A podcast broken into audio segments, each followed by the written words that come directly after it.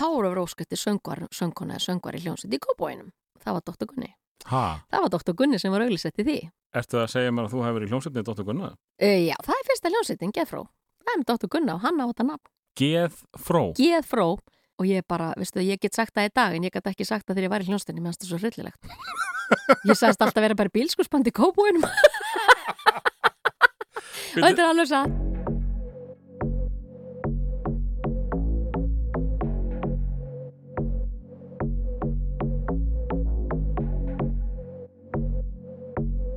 Komið í sæl, ég heiti Þórður Helgi og þetta er Greenland Pop.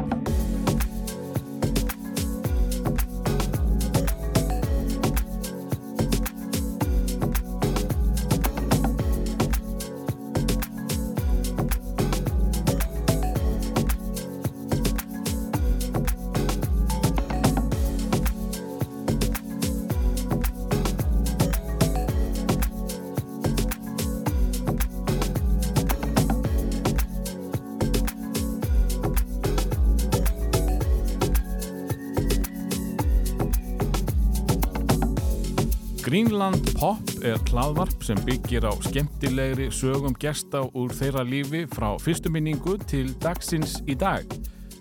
Þetta er nákvæmlega sama uppskrift og í eldri Greenlandum nema í þetta skiptið eru það popparar sem að segja sögurnar. Það er engin spurningalisti, ekkert fyrirfram ákveðið nema þessi örfáu lagabrót sem við heyrum. Frjálst flæði og gott stuð þar sem gesturinn stjórnar svolítið hvert farið verður í sögunni. Halla þér aftur og láttu þið líða vel. Velkomin í Greenland Pop. Í dag er það Sigriður Beindinsdóttir. Velkomin. Takk fyrir. Eh, rosalegir tónleikar framöndan hjá, hjá stúlkunni. Já, það er svona, já, það er, svona tilöfni því að ég á 40 ára ferilsamali. Er það ekki 40 ára ammali bara? Er alveg viss á það? Já, sko, málega þannig að ég er með 40 ára söngamli, svo er ég, sko, á ég 60 ára ammali í júli. Ah, ég heldur að það eitthvað að ruggla þar. Ég heldur að mér finnst það líka stundu, sko, ég skildi ekki alveg hvort tíminn hefur farið, ég bara næðis ekki. er 40 ár. Já, Það er svolítið mikið. Já, og þá er ég að rekna með svona frá, þarna 82, svona frá eiginlega svona fyrir ég er að koma fyrst frá. Mm.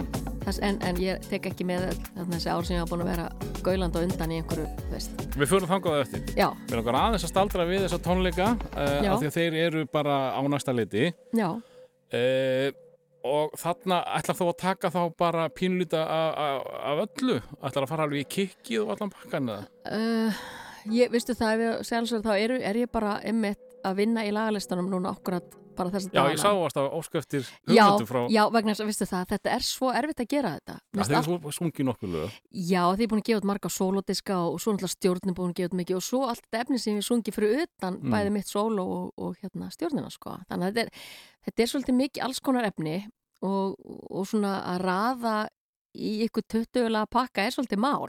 Það er nefnilega fyrir 40 ára bransa konu, sko. Já, það er svolítið mál nefnilega og, og til og með eins og varandi jólatónleikana sem ég er alltaf með náttúrulega hverja ári að minnst það miklu minna mál í samtöðu við þetta, Vist, ég er bara búin að vera með bara hausverk og ég er alltaf að ræða þetta nei, ég, nei, svo alveg, hér, ég ætla að sleppa þessu lagi af því að ég er er allir konum með lega því, nei, þú getur ekki sleppt þessu lagi, þú verður að taka þetta var, já, ok, þá það komið aftur inn Ég gæti þannig- trúið að það yrði jafnvel bara erfitt að halda 20 laga stjórnargig og þá er allt hitt eftir, sko. E, já, algjörlega, og það er það stundu, sko Mm. Já, en þetta er samt rosa gaman og hérna, ég, það sem ég líka er að leitast svolítið eftir við þessa fyrirstónleika núna í mæ er að hérna að þeim er langar að öllum eða allir hafi gaman að því Mm. og allir skemmtur og farir farir gladir heim.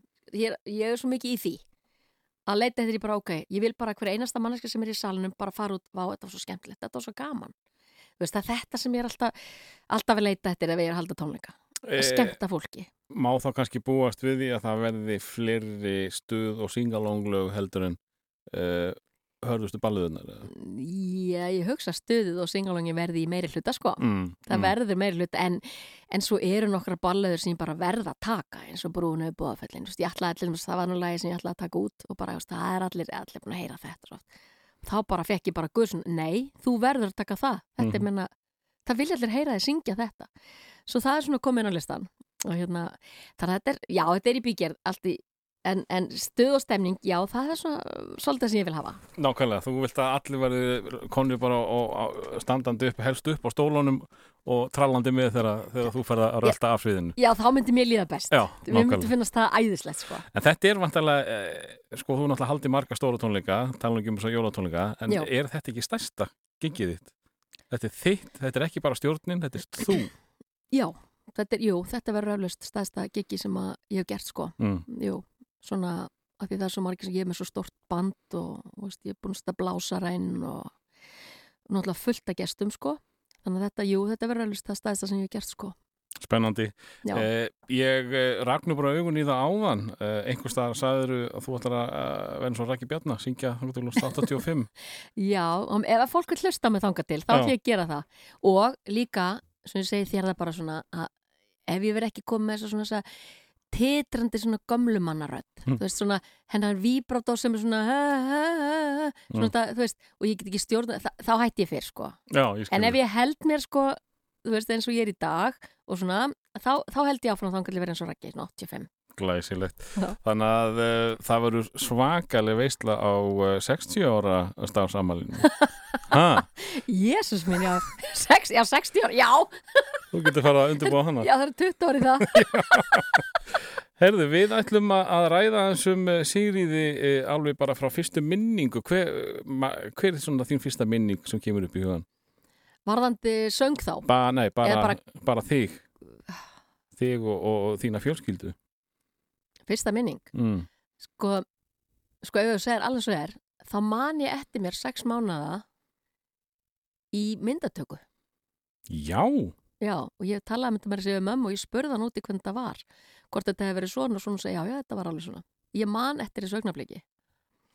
Og hérna, þetta er eitthvað með konur að því Ágústa Eva sagði eitthvað rosalega ungt líka. já, ég, En- Ég ætla ekki að trúa því, en, en ég var að trúa því núna. Það var konar tvær. þannig að þetta er, já, ég man, ég man alltaf ekki nákvæmlega hvert einn statir, ég man gloppur. Ég satt til dæmis og satt á einhverjum svona hvítum svona palli sem var svona rúnaður, sko. Mm. og hérna, svo spurði ég mamma þessu hvernig það var og hérna, hvort það hefði verið svona og já, já, þetta var alveg rétt til mér en ég get alveg sagt hvernig ég byrjaði að gaula fyrst, sko Ok, já, það var sko þegar ég var skýrð ég var skýrð í jólamessu hérna í, í hérna, í Langholskirkju og hérna hann er nú dáinn, Árelius Nílsson, sér Árelius hann skýrði mig, en ég grenjaði vist alla messun og þetta var útvarsmessa, það er fyrsta sem ég gaulaði. Bara, bara það speint í útalfið bara með að sína að ég er með rött hérna, hlustuði nú. Já, þannig að þetta var kannski eitthvað svona fyrirbúið eitthvað. En já, veist, mikið læti mér, ég grenni allan tíman Glæsilegt já, já, að- að svona... Þetta veit engi, ég hann bara segi þér þetta. Takk það.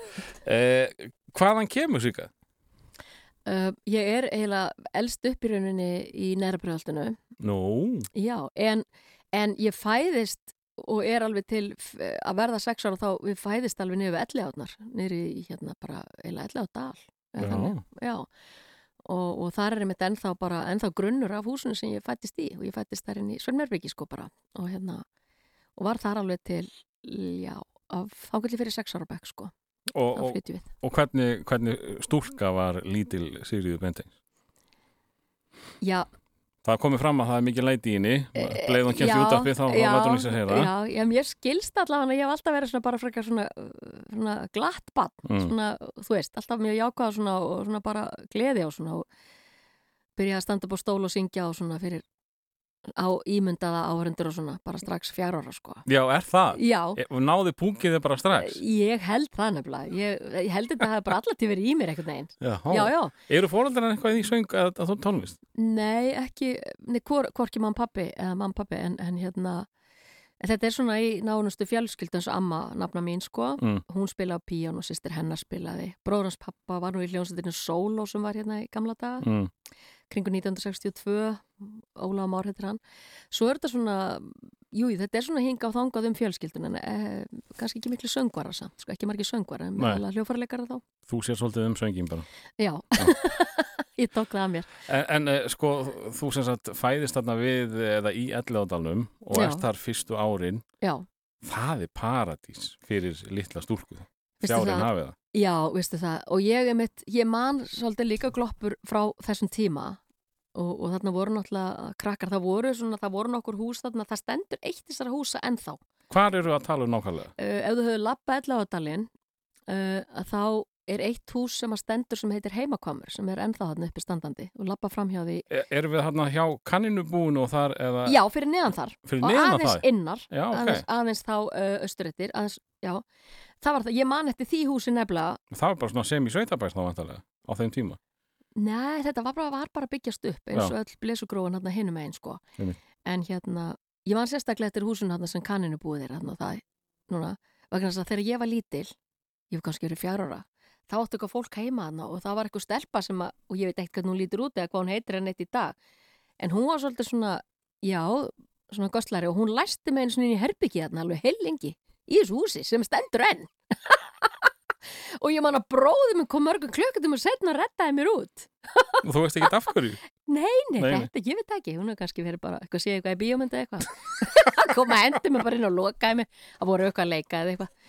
Já, já, en þetta var, þetta er æðislegt, var æðislegt að alast þarna svona fyrstu árin Mm. og sískin mín búin að sérstaklega eftir þessum tíma. Því að þetta er náttúrulega niður við Anna og allt sko, krakkarnir að leika sér þarna á sömrin að vaða í Anni og, og allt þetta sko.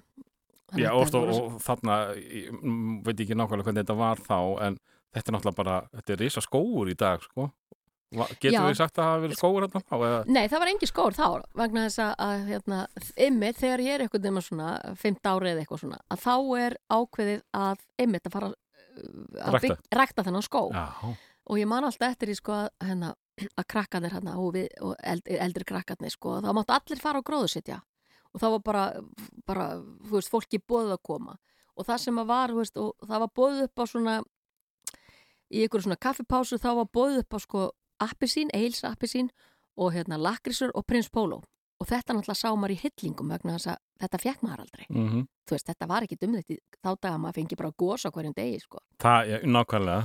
og hérna, þannig að ég man eftir að þegar við krakkarnir fórum hann út í innan holma hana að gróðsetja, þá gróðsöfti hann ekki neitt. Við bara mögum hendurnar á okkur í mold og settum mold og svo settum við, já við vorum að gróðsetja hann niður frá og eitthvað, og svo sáttum við bara í brekkunni við hérna rafvituhúsi, hérna, salin sem verða hana Já, og bara drukkum appisín og, og borðum prins Pólo sko. eftir velunum törf. Já, Já. En, en bara þykja leitt, ég ætla bara að segja að við náttúrulega gerðum eiginlega aldrei neitt, við gróðsöndum ekki neitt við bara vorum að maka okkur í drullu svo við fengjum eitthvað Ég gæti trúa því að þetta verði vesið, sko. Skóræktin er ekki ána með þetta, sko. Já, ég, Ég held að skuldið þeim appisn og, og, og læknisum, sko. Já, ég held ég verða að borga hann tilbaka eða þá gróðsittan okkur trey, ég skal alveg gera það Já, nákvæmlega. Já.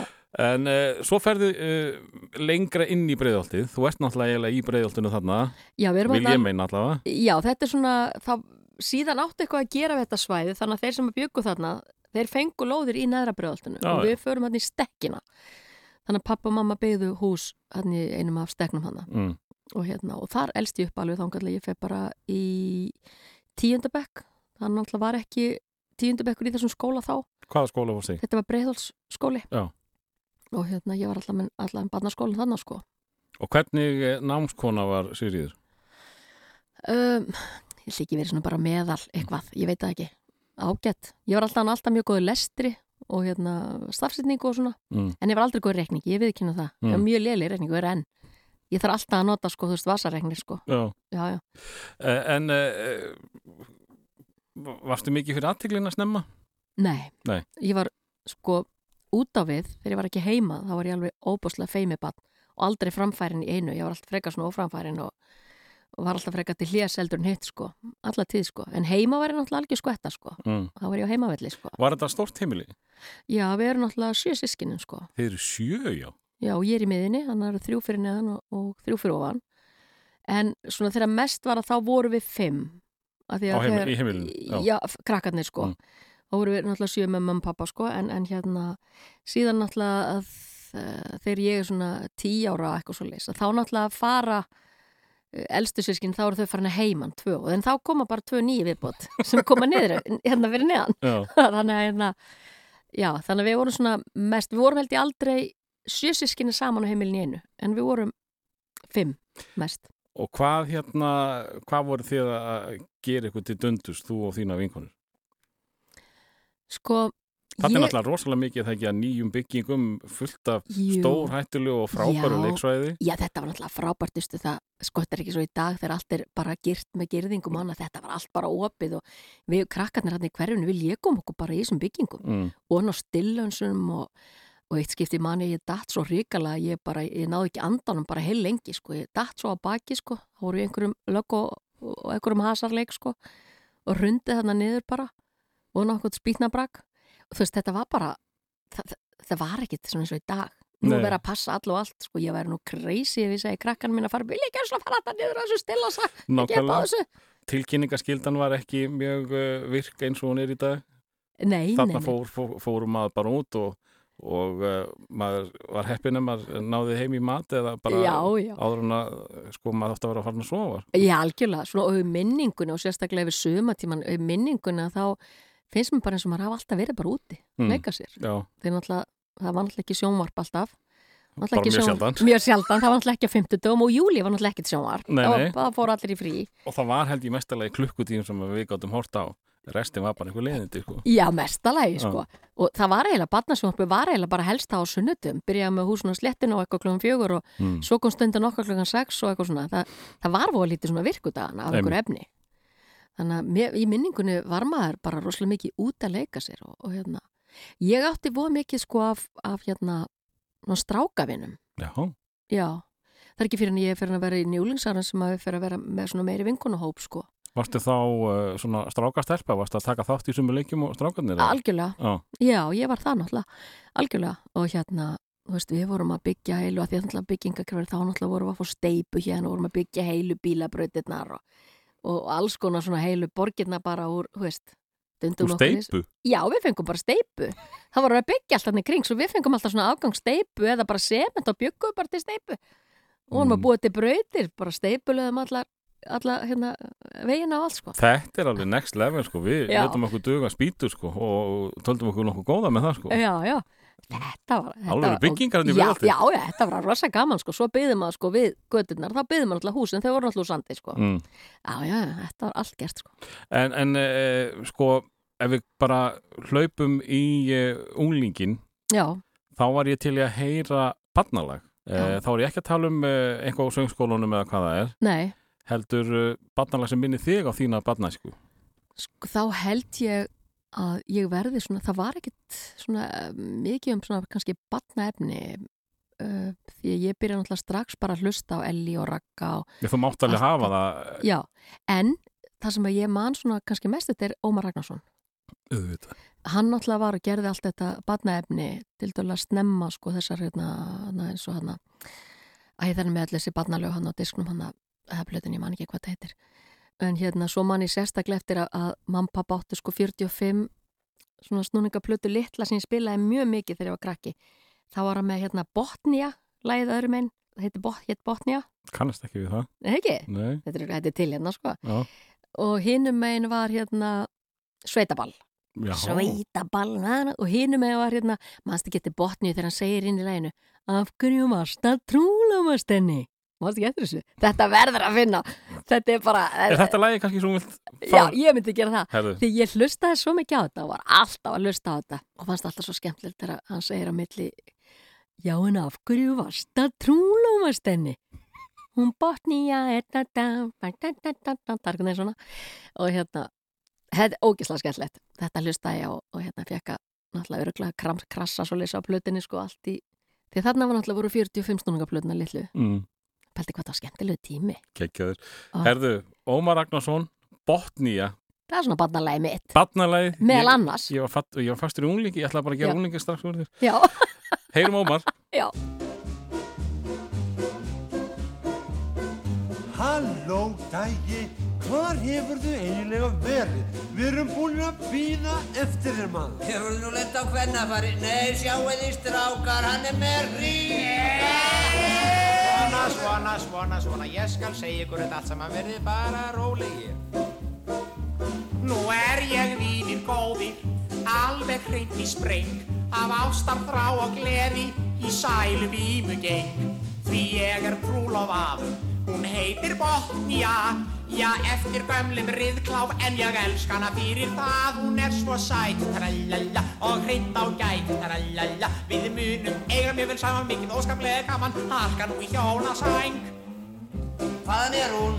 Hvers vegna trúlaðast henni? Hún Botnia er besti, hvenn kostýrin hér Og blíðust allra meia, á flippdugs allt hún er. En brosið hennar er svo Undur blítt og varmt Já, hún er jú alveg tannlaus En ég elska hana samt. Hún er svo sæt, trallala Og hreint á gæt, trallala Við munum eiga mér vel saman mikið óskaplega gaman. Harka nú í hjónasæng.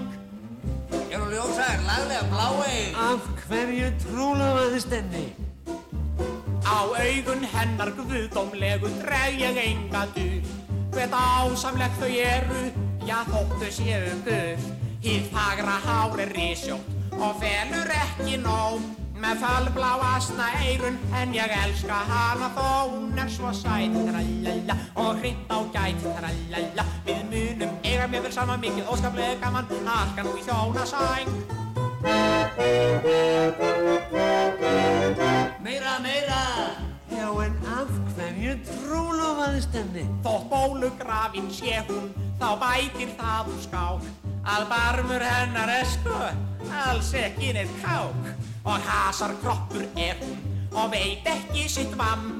Já, hún vegur meir en eða 300 pund En ég elska sér hvert gram Hún er svo sæt, trallala Og hreint á gæt, trallala Við munum eiga mér vel saman mikið óskaplega gaman. Arka nú í hjónasæng Alltaf þessi er skuttla, maður. Heyrðu, hvernig vildu þetta til? Já, en af hverju trúlofaðist henni? Í bílnum sínum bauð hún mér upp í Mosfellsveit En bátt átti hún með sig því ástin var svo heit Hún kisti mig á hundrað og keirði út í mó Í klessu og ný skurð En ég elska hana þó hún er svo sæt. Trallala og hreint á gæt Trallala Við munum eiga mér vel saman. Mikið óskaplega gaman. Arka nú í hjóna. Is now or never You hold me tight. Og hvað svo? Af hverju trúlofaðist henni? En verst var þó að botni að allt ofan á mig Ég var að kafna, hún spurði hvort ég vildi eiga sig Þá var það mér til lífs að ég varð að segja já Já, en það er eitt sem ég skil ekki. Af hverju þú varst að trúlofast henni? Já, verkt er þess að geta að hún eignir miklar á Því flottan ford hún lét ég fá, minn forda draum og æðstu drá. Við munum eiga mér vel saman mikið óskaplega gaman. Og komast nú á flotta lúksus skruggu Þetta var uh, Ómar Ragnarsson og Botnia og uh, við ætlum aðeins að færa okkur meira í úlingin uh, Sigriði Beinteins. Og uh, þú svona færið þig meira frá stákunum og, og, og hérna erst komin í vinkonur þá Já, með aldrinum eða eitthvað. já, þarna fer ég svona að, já, það, ég held þetta hafa líka bara þegar ég á krakk, það var ekkert svo mikið að stelpum í götunni eða götunum sem voru hjá, rétt hjá mér, það var miklu meira, voru miklu meira svona strákar, svona kringum á mínum aldri. Og varstu alveg velkomin þótt, þótt þú væri stelpa? Já, já, já, alveg heldur betur sko, mér sem mikið spurt eftir mig sko, þannig að, hérna, já, ég var þannig ekki verið mjög leiðileg þá, vonandi ekki, en allan þegar ég fyrir njúlingsæðinu þá fer ég svona að færast meira, já, þá fer ég eignast meiri vinkonur í, í skólanum sko, og við vorum með svona fjórar saman sem vorum alltaf að svona, já, Nú gengi? já, svona, eða svona gengi, já, hvað kalla það sko, og hérna, þeir eru mörgna svona 12, 13, 14 eitthvað svo leis, og hérna, og þá já, þá fyrir maður náttúrulega að hlusta á aðeins öðru sem músík, sko, Mm. heldur en, heldur, en- heldur en barnalögin, sko. Já, þá er Ómar svona að detta á tísku. Já, hann datt svona aðeins á tísku, en, en svona nota bene, ég hlustaði á öll mín barnæsku ár, sko, þá var ég alveg bara í öllu. Ég var að hlusta á, sko, já, ég líka sagt þér eitt smá varandi, svona ánum fyrir mjólingin að, hérna, sko, ég var þannig þegar ég var krakki, svona þegar ég svona frá átt ára, þá var ég með klukku á mér, bara alltaf, og ég, þá vissi ég nákvæmlega hvernig þættirni voru í útvarpinu, þú veist, sem að músik var spiluð. Já. Ég var alveg búin að rekna þetta út sko. Það var hátið sko með Jóni B. Gunnlugsinni og ég gætt ringt í hann sko og beðið um lög og baði ég um lög. Og svo var maður að hlusta náttúrulega lögungafólksins og svo var þetta óskólu sjúklinga og óskólu sjómana og hvað það hétt allt. Og ég var bara, ég sagði bara krakkan, heyrði, ég þarf að fara inn og ég bara elska að hlusta músík. Veitu, já, var tónlisti svona sterk í þið strax? Já, Hvað, varstu gömul sig? Ég hef verið svona 8 ára. Og ert bara með tíma, herðu, það, það er komið tíma á dægulega þátt í útarpinu. Já, og þá fór ég inn og hlustaði á músikinu og öll lögin sem voru þar. Og svo gætt maður alltaf stundu, sko, svo þegar mamma og pappi keftu tæki það sem hann teki upp á kassettur, þá náttúrulega gerði ég það. Það náttúrulega var æðislegt. Það Mm. bara beði og tók upp lögin og þá geti ég alltaf að spila þetta. Ég hef ekki heist þetta aður að einhver hafi verið með klukka á sér til að missa ekki að þetta, útarpsþáttum. ég, ég var svona. Ég var bara alveg bara, heyrðu, já, þátturinn til hátið að byrja, ég, ég sé ykkur, ég er að fara inn.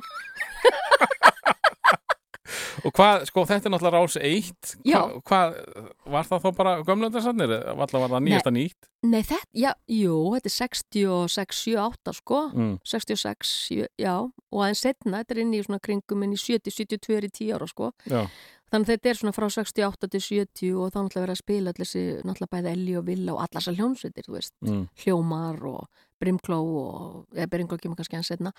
En þú veist, þá eru öll þessi bara dægulegu, sko. Já, þið voru að spila þess að nýja tónlist. Já, Já. þetta sem að, já, var svona nýtt þá, sko. Sagan hefur svolítið sagt Rás 1 spilaði ekki rockmusík ég hissa á því að hljómar hefði fengið að hljóma þarna hjá þér en uh, þetta væri bara sagt klassíst og, og jazz sérstaklega svona rosalega snemmar Ég, það var, ég man allavega, það var mjög mikil klassík spiluð. Mm. Ég man eftir því. Þess að mér varst það svona frekalegilegt, mm. en hérna, en svona þess að hlusta ég að lása þætti eins og óskóla sjúklinga, þar voru öll þessi lög. Já, En ég, ég held hafi ekki verið spilið mikið rock, sko, hljómar, þú veist, þá náttúrulega blá augun þín og þetta var alltaf það spilað. var ekki hörðustu lögin þeirra Nei, Nei. Ég, það var, ég man ekki eftir miklu rock, ekki nema að fyrir að koma inn í, sko, þau úlingsárun og, og í lög unga fólksins, sko. Já. Þá fekk þetta vera miklu meira. En, en þú hérna sem sagt ert komin í hérna vinkonu hóp og breiðolti er rosalega ung hverfið þarna Já, og ekki mikið í bóði að gera Það- hvað, hvað voruð það að gera?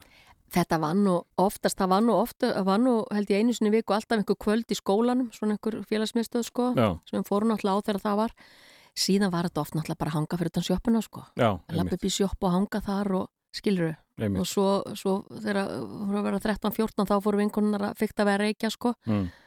og hérna það var eitthvað töf og hérna það var neitt sem að ég reyndi en bara ég fílaði enga meginn og hef aldrei reykt Já, þú náður ekki að komast í gegn Nei, mér finnst þetta bara svo vond, mér finnst þetta vond bræða þess og ég bara, ég bara, mér langar ekki í þetta og, og, bara, en ég var mjög hallarsleg Er það ekki? ég var mjög hallarsleg og bara, Þannig ertu kannski í miðri sjöunni að að reyna að byrja að reykja og, og það Já. þótti það eðlilegt eða ekki? jú það var bara ókslega töf sko, það Mm. var ókslega töf að reykja sko en hérna, nei, mér, ég bara ég náði aldrei kontakti við þessar síkartur og svo bara mjög þakklátt fyrir það í dag sko Já, nákvæmlega. því að hérna, já, mér finnst það bræði vond og bara, ég leti þetta bara vera Ég nefnilega sko, ég, ég þurfti að hafa mikið fyrir því að byrja að reykja. Ég byrja ekki það fyrir ekki. 19 ára. já, ég trú því, þetta var bara, mér finnst Það þetta, ég var Mikið bara átta en ég, ég, ég gafst ekki upp. Nei, þú helst áfram. Já, ég sé betur það hætti ég bara. Ég bara, nei, mér langar ekki til þetta. En svo hekk ég með þeim náttúrulega þegar voru að reykja, sko. Já, Og öruglega ángaði eins og ég veit ekki hvað er ég kom heim. nákvæmlega. En það mamma alltaf varst að reykja. Nei, ég reyki ekki. En ég veit ekki hvað hann trúði mikið. En, en hérna, hvenar áttar þú þig á því sjálf að þú gæti mögulega bara verið söngkona? Varst kannski búin að ákvaða bara hann upp á palli fjögur ára á heimilinu? Það var allan að komi mjög mikið í mig. Mm. Sko strax er ég lítil eins og ég bara, núna um daginn að þá segi sýsti mér við mig, sko ég man eftir þér, sko að því að ég var svo feimin og mátti enginn sjá mig, sko. Og hérna, hún segi, ég man alveg eftir eitt skipti þá varstu fyrir aftan hús búin að ná í koll sem þú stóðst upp á með sko sippuband. Og þá varstu ímyndaður og væri fyrir fram að fullta fólki og varst að neyja þau og allt og, og syngja og allt. Ég er bara, ég trúi þess ekki. Ég myndi þetta ekki sjálf, en hún segi, jú, jú, hún segi, ég Varstu þá að fylgist með. syngja í, í sippubandið? Ég syngi sippuband að því að Já. að snúra. Það er eins og mikrofón. Ég ánægði með, sko, það er eitt Ég pældi í öllu, sko. Já, þú fer alltaf upp á svið. Já, ég ferð alltaf alltaf upp á eitthvað? Já Þetta var alveg magna Svo var eitt hérna frændi minn sem að er nú látin núna en hann hérna, ég var mikið með honum voru rosalega mikið með honum og, og mikill vinnu minn og hann var að mitt þarna þegar við byggunni og elli þá var hann að, gera við bíla hérna í einhverjum risaskúra gammalli eh, svona einhverju, svona hvort þetta var svona einhver heiskemma eða eitthvað gömul eða eitthvað Mm. og hann sagði mitt við mig sko þegar ég var fjagur ára ég byrja að vera með honum cirka þá að svona vera kringum hann hann sagði þú varst alltaf syngjandi, þú stóðst aftan í og ég man alltaf eftir að hann var að gera við svona fólksvækin rúbröð, maður setur gamlu rúbröð Mhm. honum hérna þá stóð ég vist aftan í þar og upp á palli með húsi opið og þar stóð ég og söng fyrir hann þú veist, ég man alltaf getið þessu en hann sagði mig þetta. Ánað með að þú skellir alltaf á sviðið Já, ég fyrir alltaf upp á eitthvað. Er sennilega sitt í sjónvarpið eitthvað. En ég verð að veikja um það ég sko þegar ég, ég náttúrulega fylgdist með Eurovision í sjónvarpinu okkur einasta ári Mm. alveg frá því ég bara man eftir mér. Og ég man alltaf að í haustnum á mér var ég alltaf bara, ó, þarna langar mig að vera. Og ykkur tíma langar mig að fara já. Og hérna, þetta var alveg bara en það gerðist. Það þannig ég hef gerðist. eitthvað síkrita þetta sínum tíma. Mér að það geggjað. Já, og ég bara sá mig alltaf svona einhvern veginn á sviðinu í Eurovision og, og hérna og bara, vá, þarna langar mig ekkert að vera. Þannig að þetta hefur komið snemm í mig. En Sko, að ég eh, skildi vita hvort ég geti eitthvað sungið á þessum ára, það vissi ég ekki neitt En uh, að því þú ert þarna, Já. uh, bara smá dítúr, Já. hvað fórstu oft? Þú fórst tvisa sem aðastjarna. Nei, ég fyrir þreysvar Já, einu sinni, já, alveg sóló. Já, einu sinni 94 þá fer ég sóló með Já. nætur Þannig að þrísvar sem stjarna, svo varst einhver tíma Já, svo ég með Silvíu nátt í fræguferðina Já. Silvíu og það, það náttúrulega var æðislega ferð sko Við förum kannski aðeins þangað Já, síðar. eftir, já En ok, þú ert búin að sjá þarna, þú ert búin að finna þér eitthvað til að síkrita í framtíðinni. Já, uh, en uh, þú ert ekki búin að áttaði á því að þú sett sönguna. Veistu hvenar það gerist?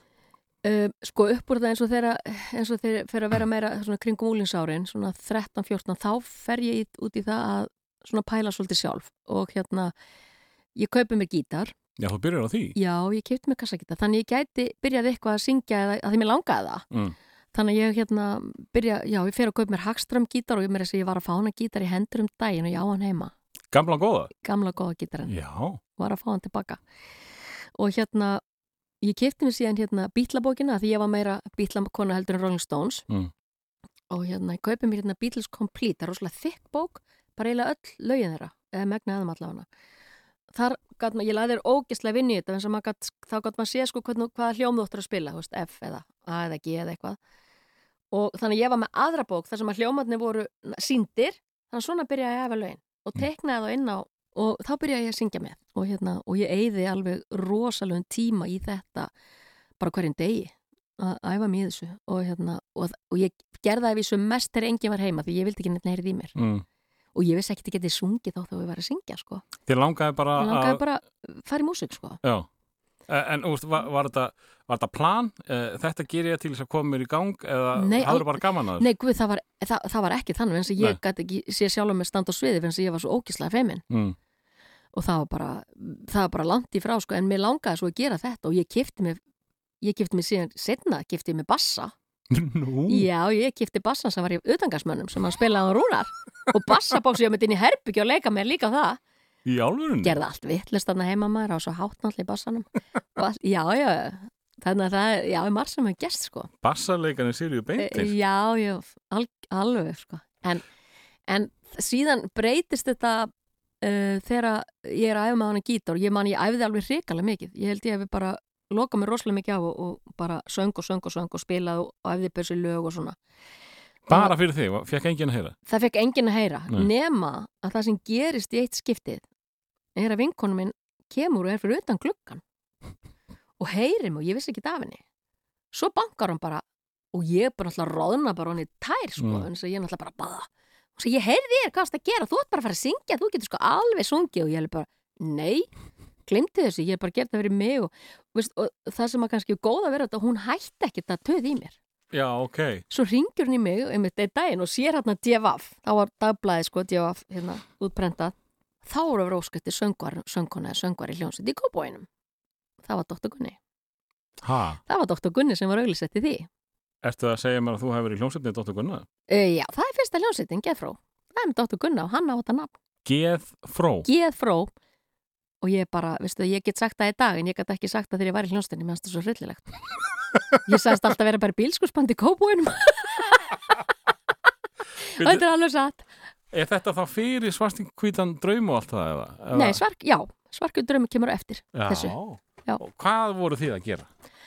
Sko, ég fer, sko, síðan bara uh, segi við einhvern með mig, bara, hei, förum og ringdu í strákana, ringdu og ég er bara, nei, En sko, sko hérna árum við förum þangað, Já. þá, þá ert að fíla Elji Vilhjáms og, og Raka Bjarna og Bítla og einhvers og leiðis og uh, doktorinn vantalega er Það- einhvers konar er- pöngari. já, eða, það er svona nýbylgja, Mm. þannig er komið þetta nýbylgjurokk meira svolítið inn og þannig er ég náttúrulega orðin, sko, þannig er örglán sko 16-17 eitthvað stöðar þar.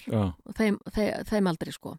Þá maður komin inn í meira sko miklu meira svona nýbylgju. Þarna var uh, þarna voru þeisarnir náttúrulega mikið og klass og þú varst alveg þar? Stranglis. já ég var alveg komin þangað. Ok, en samt var ég alveg að hlusta á hitt líka sko. Einmitt, Þú veist, ég var alveg að hlusta á Elvisin á milli sko. ég var bara í alls konar uh, ég hlustaði til dæmis í kringu 1980 þegar ég er átján, þá var ég að hlusta rosalega mikið á Nínu Hagen, ég elskaði Nínu Hagen og hérna- það er að vísu svolítið mikið með uh, stelpur á þessum aldri já, sem að þær tengja rosalega við nínuna sko. já, svo, svo síðan að Banses, ég hlustaði mikið á það Já. síðan var ég komið líka, svo var ég að hlusta á Pretenders líka sko, allt öðru sem músík sko mm.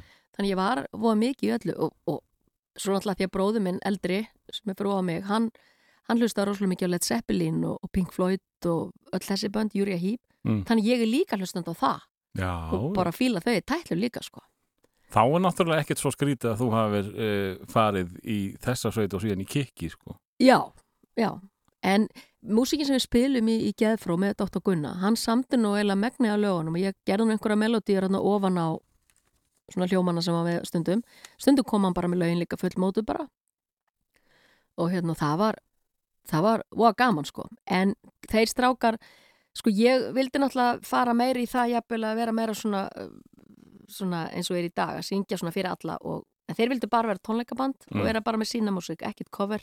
Ekki, ekki böl Nei, og engin böl, en það var það eiginlega þangað sem ég langaði svolítið að fara, en þetta var allavega svona einhver startpunktur fyrir mig. og þú veist, að sjá svona bara hvort ég gæti eitthvað svongið og hvort að ég bara hefði eitthvað í þetta, sko. en, en hérna hvernig tókuð þér veistu, voru margir sem að sótt um eða varstu ein Ég veit það ekki, ég var allavega einn þegar ég mætti mm. og þeir bara, já, þeir bara reði mig á staðnum. og þú þorðir að syngja fyrir fram að þá Ég, ger, ég veit ekki, mann ekkert hvað var, ég gerði eitthvað, mm. en guðmund góður, ég var bara roðnað og blánað allt á víksl, sko. Ég bara, guðmund góður og fyrsta giggi sem við spilum á sem var út í það var fyrir vinnuskóla Reykjavíkur, eða vinnuskóla Kópavók segi ég, það var það haldið í, heitir hann ekki hlýðagerði, hlýðagarður hann garðurinn í Kópaví, minni mig. Og þar komum við fyrst fram og vistu það ég held ég hef aldrei verið einn stressa á æfinni sko. En þar var fullt af fólki og það já, já, það var alveg að fíla þetta sko um að gera. Var þetta ákveðum ströngkvarf þegar þú nærða að eh, já, hefja fyrsta lag og syngja veist, þú veist, þú veist komin á sviðið, gamla og góða. Já, ekki rúbröðavísu eh, og það eru hlustendur sem að eru tilbúinur að heyra. Mm var það ekki einhver svona eitthvað gott fyrir hérstað? það var bara, það var bara æðislegt af því að í rauninni innst inni í mér var þetta það sem ég langaði að gera. Mm. og var varstu að, fann að við, viðkynna það fyrir sjálfur eða þannig? þarna byrja ég allavega að hugsa út í það. Mm. og ég bara, þú veist, vá, þetta er svona þessi braut sem ég langar að fara. En, en ég vissi þá heldur ekkert hvort ég geti eitthvað sungið þannig. Nei. En, hérna, en ég lagði rosalega mikið á mig og ég æfiði alveg hrikalega mikið Þegar þú varst að, eh, syngja þessi bítlalög og Já. spila, Já. varstu þá að tralla eða varstu að taka á því, varstu að syngja varstu að reyna að syngja vel eða bara reyna að halda lægi? ég var bara, nei ég var bara, ég, ég var bara að vanda mig Mm. og, og, Já, þú gafstu alveg trukk og dýfur og... já, já, Já, ok. ég gerði það sko Mm. og hérna svo náttúrulega hafði ég bara svo átti mamma og pappi áttu náttúrulega plöturna þannig ég gætt lært lögin og svo fór ég að gösla við þau sjálf sko Mm. og hérna já, já, og ég man að uppáðslæði mitt hefur alltaf verið ódaling með bílanum Já, og það var það sem ég svona byrjaði að syngja þegar ég syngi, söng fyrir fólk það, það þarf nú smá trukk í það. já, það þarf helviti strökkið það sko Já. það er Eh, En, en hérna, geðþró, geðfró geðfró, geðþró er kannski betra ég veit það ekki. eh, hérna, hvað hva lifið það lengi? Hvað, hvað gerir þið mikið? um, allir sé ekki með þessu bandi í, ég getur þetta það var alveg ár eða alveg langt á annað ár held ég Og, og fullt að að- gekkum á vesinu það? uh, við, við æfðum náttúrulega ógeslega mikið og ég man að við æfðum þarna það sem Gun, hérna Gunn átti heima Nikóbóinum og ég held að plássi sem við vorum í sko ég giska á, það, var, það komst rétt trommusett svona fyrir, lítið trommusett sem hafa meðan hérna trommarinn og ég stóð hérna, svo voru bassin og gítar hann var bara hér, þetta var svona kannski þetta var svona lítið gemsla bara sem aðeins mig það var gluggi á hann að vísu, Mm. en veistu, ég efast um hann að vera stærri en fjóra fermetrar og í þessu var allur háaðin og öll lætun og ég syngjandi gegnum einhverja gítarmagnara sko en það náttúrulega við áttum ekki söngkerfi Nú, Allt gert til að eðilegja bara í ykkur eirun, sko. Já, allt gert þannig, allt gert, þetta var ræðilegt og háaðin alltaf eftir því sko Mm. En varst að fíla þetta? Já, ég fíla þetta í tætlir sko, fara hljómsveitræfingu, en varst að fíla að gera svona músík? Þó ég að vita að þú hef, að draumun hafi verið að syngja böllum og eitthvað svolítið. En Já. hafður gaman að gera þessa tegund? Já, þetta er svona þetta, sko það sem að ég fílaði við þetta, þessa nýbylgju sem að Gunni var að gera, var að hún var melodísk Mm. og það var það sem ég fílaði Mm. og já, já, ég fílaði mjög vel. Eh, þú sagði með það að eh, Gunni ætti mögulega upptökur að þessu. Já, hann á upptökur af, frá einhverjum æfingarhúsnaðum, ég veit það. Já.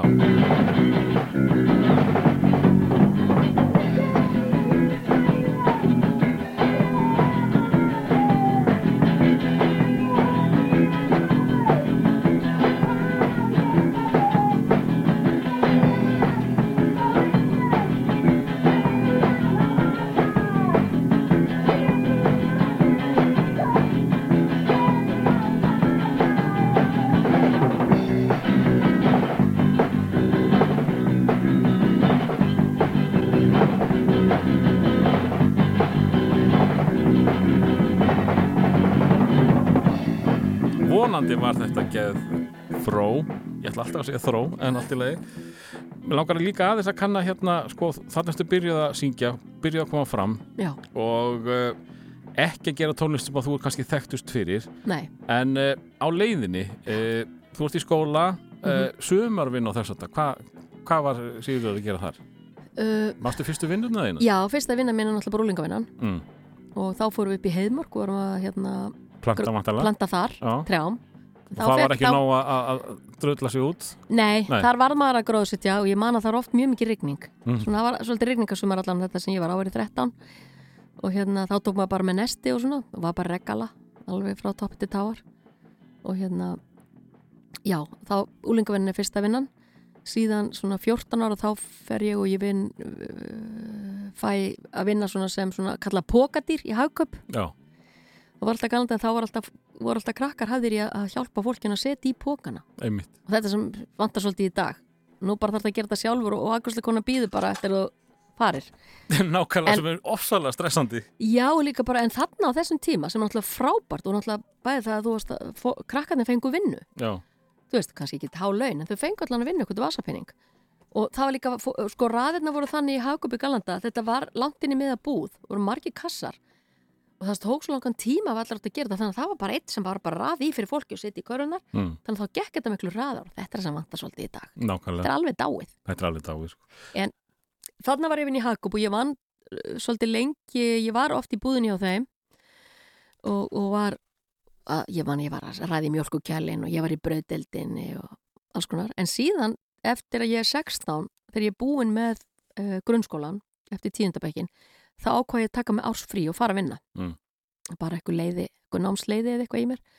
Og þá er mitt uh, fer ég að vinna í á Hakup þá, vinn ég, fer ég, þá voru þau með saumastofu.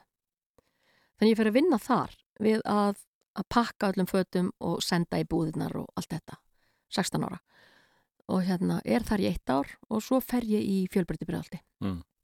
og er þar einhver uh, allan 2-3 ár Hvað fyrir að læra? Því ég man eftir því að þú hafi verið einhvers konar dúkalagningamistari eða eitthvað svoleiðis. Já, já, síðan þegar ég er búin að vera hérna taka þessa ásvinnu þarna, þá fer ég að, sko ég er alltaf vinna á milli í skólan og alveg frá því svona 12 ára þá fór ég að vinna hjá pappa eh, alla páska og öll jól þegar ég átti frí af því ég var náttúrulega alltaf að safna mér ykkur hljófæri með eitthvað Já. þannig ég þurfti alltaf að finna að búið til peninga svo ég var að vinna hjá honum að, að þú veist, uh, byrja hjá honum að þess að hann var alltaf til þessi kassagerinni, gömlu kassagerinni sem er í hérna, í klettakörðum. Mm að hérna, það þurfti alltaf alla páska að taka alla sali þar og, og, og, og veist, setja nýtt á gólfinu og annað og ég var að vinna mikið í því. Já, með honum og svo voru við að er alls konar fyrirtæki sem ég var með. Og þannig ég vann öll jólafrí og öll páskafrí hjá honum byrjaði þannig.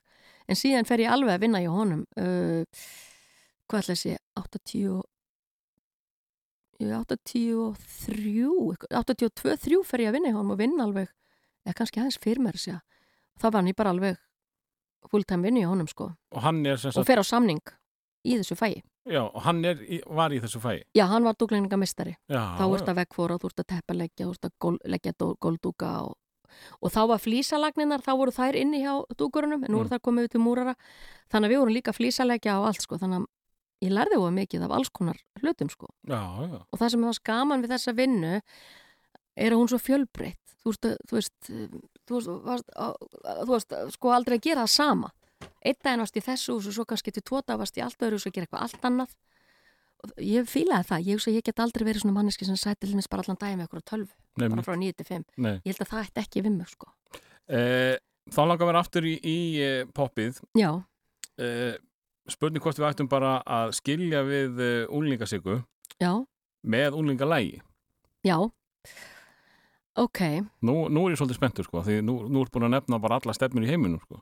já Hvað væri þá úlingalægi þitt sem að minni þig hvað helst á þína, sko þín úlingsár? Já, ég myndi ég myndi giska á nú man, man var ekki alveg ártölin sko en hérna svona hvaða aldur ég var náttúrulega rosalega mikið í þessu bara sem var að gerast þessi, þessi nýbylgi á allt þetta sko en ég hlustaði mikið á pretend ég hlustaði mikið á hérna líka hérna hana hérna hvað heit það hérna að hérna ljósari hérna sem kominga hérna, hérna, hérna hvað er hljóðstöðin? Cindy Ló, no. Nei, hún hérna, já, Sindi Lápur var náttúrulega líka, sko.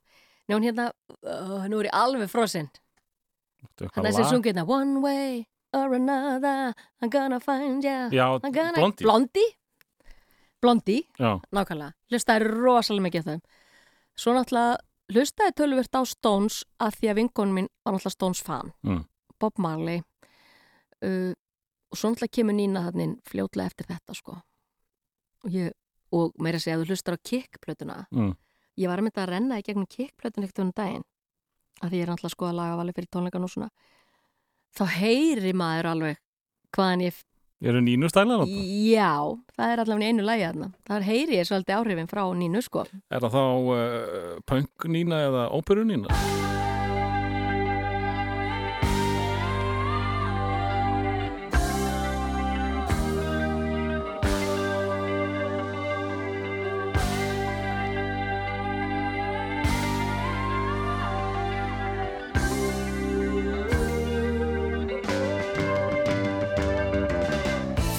Frekar svona óperunínan sko Já, frekar svona þá, þá var ég að fara upp í falsettu tóna og svona sko þar heyri ég svolítið áhrifin sko það er skemmtilegt. Já, hérna, en vá, ég hef ekki lustað á svo blöð, hún er alltaf bat síns tíma, sko, þessi plata sem Mm. Kikk gerði, en, en svona, já, þetta er svona eitthvað sem að lifi nú ekki mjög lengi.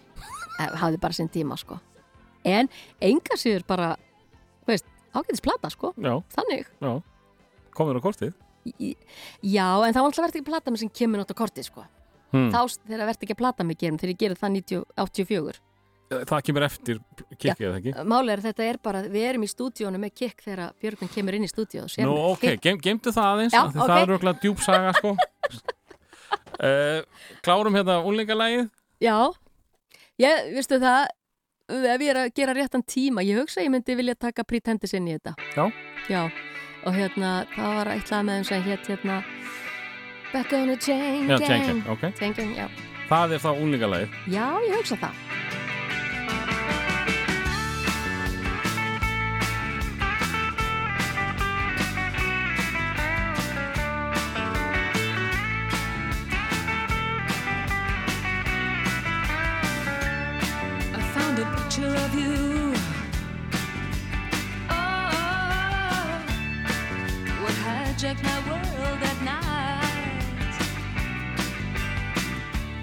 In the past we've been cast out of. Oh, now we're back in the fight. We're back on the train.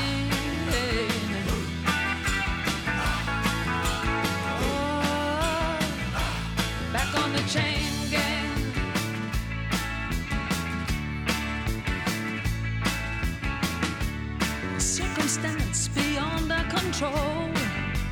Ah, the phone, TV, and the news of the world. Got in the house like a pigeon from hell. Ah, through sand in our eyes and descended like flies. Put us back on the train.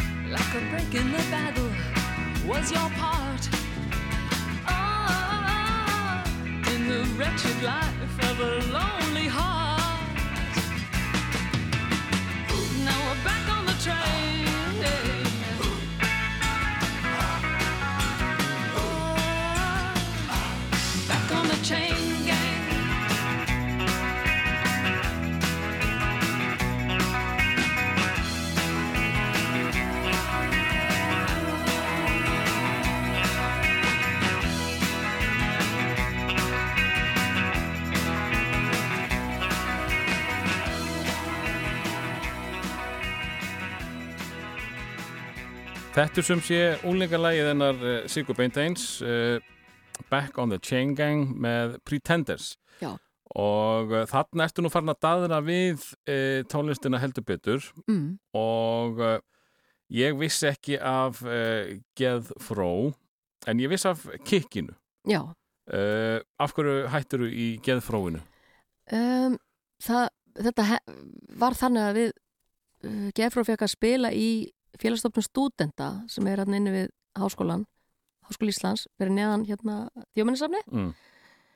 og þar var salur sem að svona þessi ungu bönd fengu að spila, þetta voru oftast á 50 dögum eða förstu dögum minni mig. Og þar fengu við pláss og vorum að spila meðal hans með vonbreyði og einhverju fleiri böndum. Og þar koma Gummi Jóns sem var í kikinu og sér í sálinni. Mm.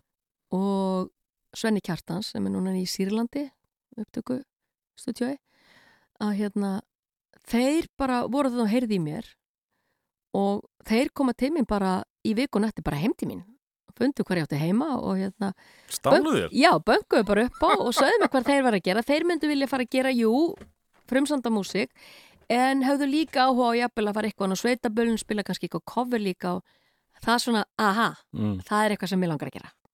Svo þess vegna fór ég yfir. Og hvernig, hvernig uh, sagður gömlu félagunum frá því að þú var Ég, komin í nýtt lið? uh, ég man það ekki alveg, en það er eitthvað, ég veit ekki, ég man það ekki. Veit Þú er kannski ástæðan fyrir því að, að Dr. Gunni fór að syngja sjálfur? Örglega. Já. Og ég man að þarna þessum tíma þá spilaði hann á gítar, Mm. þegar ég var með honum. En upp úr þessi þá stopna þeir svarkvitan draum. Já. Ég held ég sé alveg örglega að fara rétt með. Eh, úst, er þetta sami kjarni bara þú farin út? Uh, það? það var allavega bassaleikarin og Gunni, Já. þeir voru, já, gott ef ekki gítarleikar var líka. Ég held áfram. Ég held það, já. Svo bara ekki með svarkvöldu draumur og, og, og hérna, já. Og Spennandi. Gunni fyrir meiri verið söngin og svo eftir eitthvað setna aðeins lengra þegar þá fyrir hann eitthvað yfir á bassa. Já, einmitt. Já, Eh, en eh, ok, það er búið að, er að kaupa þig yfir já, eh, með, með eh, ballsögum og, og, og já, draumum. já, já. Eh, það náttúrulega vissi engin hver Gummi Jóns var þá, þó allir viti það í dag. Já, já, Vissur þá var hann, hann bara að byrja. vissur eitthvað að, að hann geti eitthvað samið? Nei, nei, hann bara, nei, nei, þeir voru alveg bara að byrja Mm. og, og Gummi var nýfluttur frá Skagaströnd, hann er þaðan. Sveitastrákur? sveitastrákur, já, já, Já. og hérna hann sagðist þeirra að semja lög og eitthvað svona og svo bara byrjuðum við að hittast og ég vistu það, ég held við um æft alla dagvikunar frá 6 til 10 með minnir, bara frá mánuði til föstudags og æfðum hann í auðbrekkunni í Kópóinum og hérna fengum ykkur að vera på efri hæð þar og hérna við æfðum og æfðum og æfðum og þar var, kom hann bara með lögin sín Mm.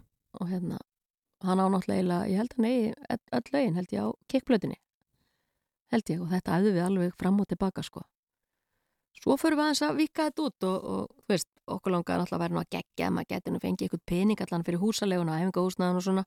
Svo við fyrir að að koma okkur í það að reyna hérna, að spila, spila fyrir eitthvað smá pening, sko. Og svo voru þessi, ég man ekki hvort þú mannst eftir í svo voru þessu satt kvöld Nei, það voru kvöld sem að voru á vegum stefs af því að það náttúrulega var svolítið mikið mál hjá þessum böndum þarna á þessum tíma að koma svo að framfæri. Þannig að þá voru ákveðum bönd ákveðu sóttum að spila inn á skemmtistöðunum. Þú veist, inn á Hótel Sög og í Þóskaffi sem var og klubnum í Borgatúni sem var og okkur fleiri stöðum og við sækjum um þetta og við fáum að spila í klubnum uh, gamla klubnum á fyrstu hæðinni og við fengum líka að spila í þóskapi og þetta var svolítið skrítið vegna að við náttúrulega með okkar frumsöndu tónlist. Já, fengum líka að spila í glæsibæ það var líka glæsibæ, við, við fengum að spila á svona þreimastöðum mm. og hérna og náttúrulega vera að spila nú fólk sko eins og í glæsibæ það sem voru svona meira bara gömlu dansa þannig að allir að dansa svona veist, saman. Svona þess að vannlega dansa sko komum við með þetta rosa rockmaður og svona bara það var svona, ég held að það var svolítið spes sko. En þetta var svona leið svona, að gá okkur svolítið kosta að komast inn og láta af okkur vita. Já, og þarna með þess að þegar við erum að byrja að spila og ég man að þegar við spilum í klubnum það voru okkur fleiri bönd minnir við höfum spilað þarna 15 skveldi og það er Steinar Berg. Nú. Og þar er hann að fylgjast með þessum böndum og er sannlega að fara þarna milli og hann, þá býður hann okkur upp úr þessu á þessa plötu sem við gerðum síðan, þessa einu plötu Nú, þið elduðu þetta ekki, hann kom til ykkar að Já. vinnabræði Já, hann kom til Já. okkar og hafði áhuga á og við áttum að uh, senda honum eitthvað demo og svona og hann ákvaði að gera með okkur þessa blötu sem við gerðum. og uh, þetta var ekki alveg full plata, var hann ekki Ég heldur hann að vera bara fimm eða sex lög eitthvað Já. svona. Já, það svona hálplata einhvern veginn. en þarna náið að skapa ykkur eitthvað nafn Uh, það er einn, Já. það er einn hittari getur við sagt Já, það var eitt svona hitt sem var svolítið spilað, Mm. Try for your best friend, það var svolítið spilað.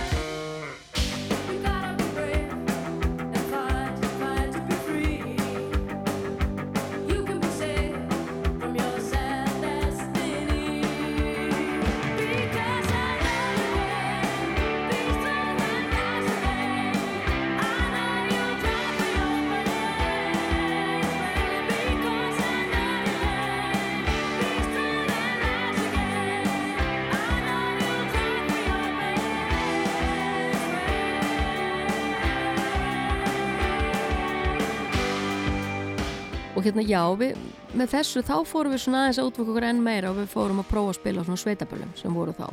það líka heyrum að þessa í fyrsta skipti Já, og hún er náttúrulega, úst, röddin þín er mjög ábyrrandi það er ekkert margi sem geta sungið eins og þú það er bara þannig, ég get bara Já. sagt það hér nú já, takk fyrir það. Ég, það er náttúrulega, já, svona þetta, kannski þetta power sem Já. ég svona fekk að hafa eða, eða fæ að hafa og svona þessi kraftur og þú veist, ég gæti líka sungið hátt, Já. mjög hátt upp á brjóstóni, sko. Einmitt. og enda, það var nú það sem að Björgvin sá og heyrði mig gera þarna þegar hann byrði mig að koma með verðt að plata mig sko að mjög hártótt þar sko Ég var nefnilega til að fara eins þanga því að, að ég geti trúa því að hann hafi heyrt þig vera að taka hærri tónuna með kikkinu og sagt, mm, þannig er hún komin. Já, þetta, þetta er svo skrítið hvernig þetta gerist því að hann sko Va, lægi var til, eðust, hann var búin að semja, eðust, lægi var klárt, það vantaði bara einhver til að Já, syngja Já. þessa svakalegu línu, sko. Já, þetta er það- ekkit, hvað eru- hvað eru margir á Íslandi sem geta sungið þetta? þetta, ég fer held ég upp á annarkvort fís eða G á brjósti sko, þetta er ógislega hátt sko Getur þetta í dag? uh, Ég hef ekki prófað þetta svolítið tíma að fara þarna upp Þú þarft að taka þetta á tónleikunum. Já, ég tek það á tónleikunum, Björgvin er með mér en hérna, ég veit ekki hvort við lækkum það kannski aðeins sko því þetta er náttúrulega svífurlega hátt sko, ég er Já. náttúrulega að vera 60 ára en, en ég prófaði þetta samt alltaf hana slæð Já, það. Já, ég man alltaf henni fyrir að hitti fyrir, svona, eh, fyrir COVID, þá prófaði þetta og ég komst það ég fór langað Þarft ekki alveg að, hitta þau upp? Er svona, "Ah, Já, ah." Já, er maður að syngja á balli þá er þetta oft sko frekar sent í settinu sko Já. þannig að, að þá er maður orðin það heitur og, og ég man að stundum gerir þetta bara, þú veist, ég ætla aðtöku hvort ég næ þessu, ég ætla aðtöku hvort ég fari þegar við tökum þetta í orginal tóntönd, sko. Já.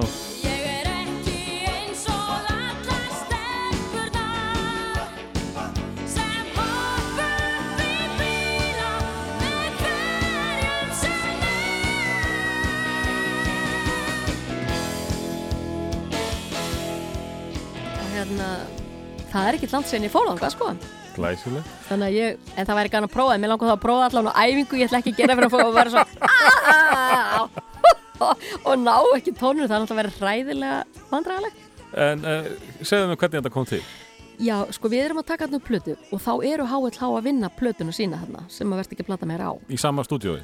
Já, Já. nema bara að Björgun kemur þarna eitthvað inn, við erum eitthvað upptökum og Björgun kemur þarna eitthvað inn og hann sér mig eitthvað, nei þetta náttúrulega ekki neitt, vissi náttúrulega hver hann var og allt þetta, hann Mm. er bara náttúrulega rosalega stórum stjarnar sko og hérna, Og HLH náttúrulega orðni stóri. þarna. já því þarna voru þeir búnir að gera rittara Já. götuna til dæmis, sem var náttúrulega abbáslegt hitt á undan, verði ekki að plata mig Einmitt. sem Raka Gíslasöng og hérna, síðan bara fæ ég ringingu bara, hvort það var bara einu með tömdöðum senna og ringir hann bara í mig sjálfur og hérna spyr hvort ég væri til ég að prófa þess ég með eitt lag þar sem að þurfi kvænröð sem að það er svolítið svona háaröð eða svona kemst svolítið hátt þá voru þau náttúrulega búin að taka upp lagi þannig að það var ekki að færa tóntöðundir og þarna á þessum tíma þá er þetta allt spilað inn. Þetta er ekkit eins og í dag, þú getur fært niður allt Mm. bara í, og tjúnaða niður. Það var ekkit hægt.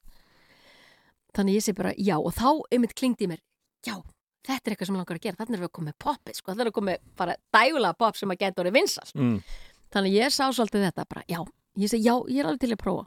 Svo fer ég í stúdjóð og, og hérna Þegar þú heyrir þetta fyrst, þegar þú heyrir hvert þú átt að fara já, og aftur svona, að segja mér, nú er, nú er ég komin í eitthvað. nei, nefnilega ég hugsaði ekki neitt ég bara fór þetta ég hugsaði Bara í fyrstu tilhörun? Ég gerði þetta bara, já, hann sagði bara þetta og var hérna og syngur þetta na, na, na, na, na, na, na.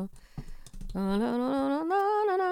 og bara ég hef, já, ok, ég skal bara prófa þetta svo fyrir bara inn með headphone og hausinn og ég, ég fór þetta bara og þeir bara, ég sá bara þeir bara brosti, ok svo, svo voru þetta bara held ég ykkur, þetta voru bara örf á teik sem ég prófaði því þarna var ekkert autotune, þú kannst ekki tjúnaði til eða Nei, klift nei. þetta og eftir, þú varst bara að syngja þetta Já.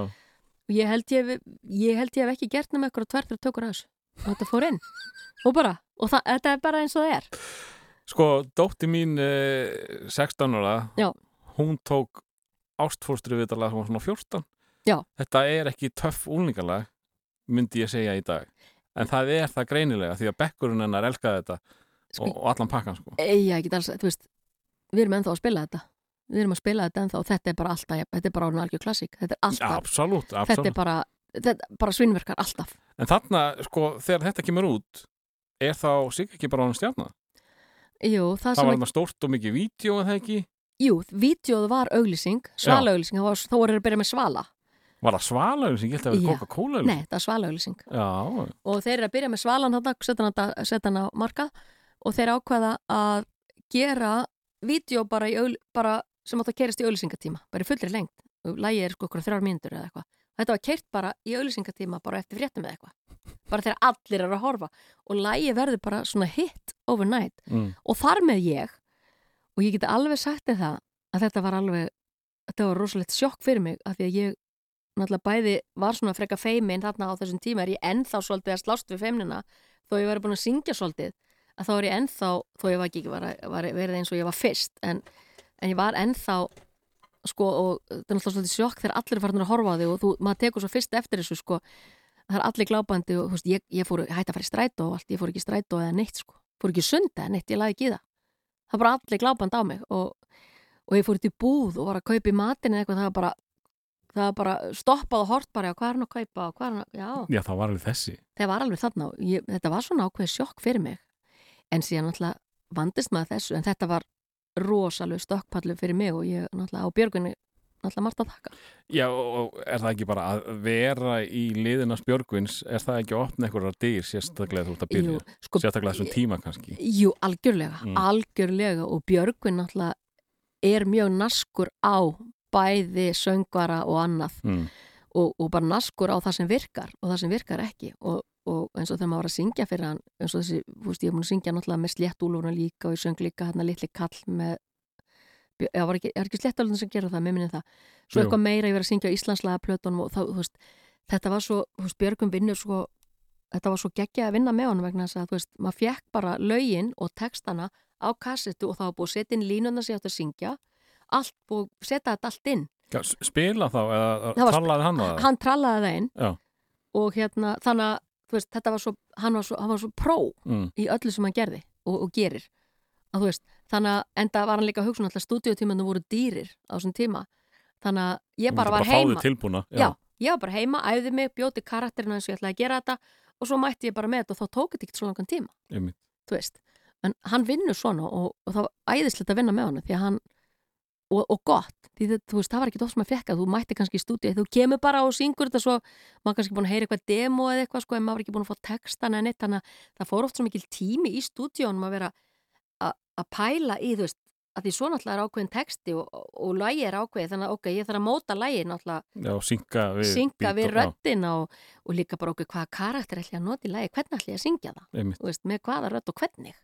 En fjækstu, fjækst að ráða því sjálf með Já, þetta lag? Var bara að setja allt í botn og, sko, verð ekki að plata mig? Já, þá náttúrulega bara, þá kemur bara ég bara, ég bara gælit inn. Mm, og það, það var, þú veist, þá var ég kannski heldur ekki verið að pæla alveg svona mikið í bara ykkur svona, þú veist, mótun og svona. Nei, en, en þú veist, bara, sko, að því þessi, þessi söngur stendst svo rosalega tímans tönn.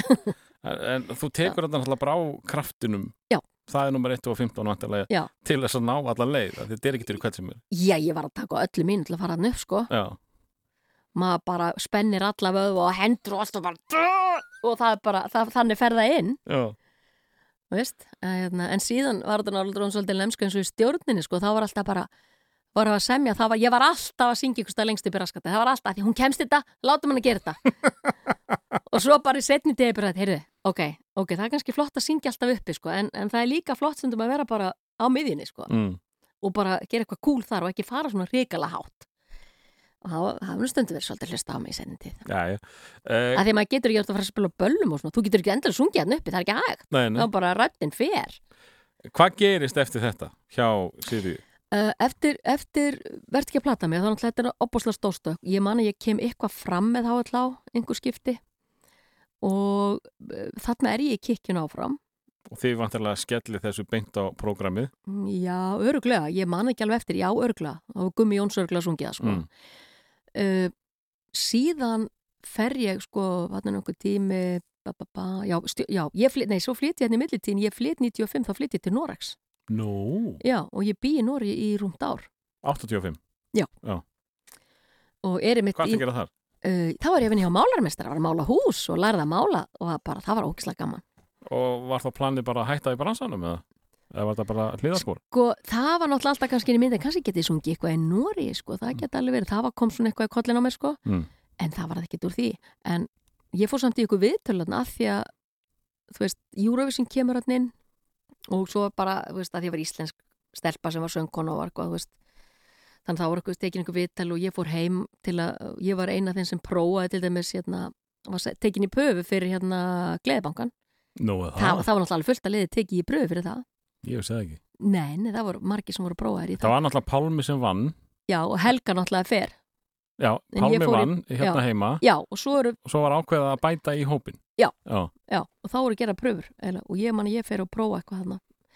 En Helga náttúrulega alveg geggið í þessu og, og tekin í þetta. En þannig er ég úti í Nóri og, og hérna, ég var mitt úti árið sem að Bobby Sox vinna, Latti Svingja. Það var allt crazy í Oslo, sko. Það var allt crazy, sko.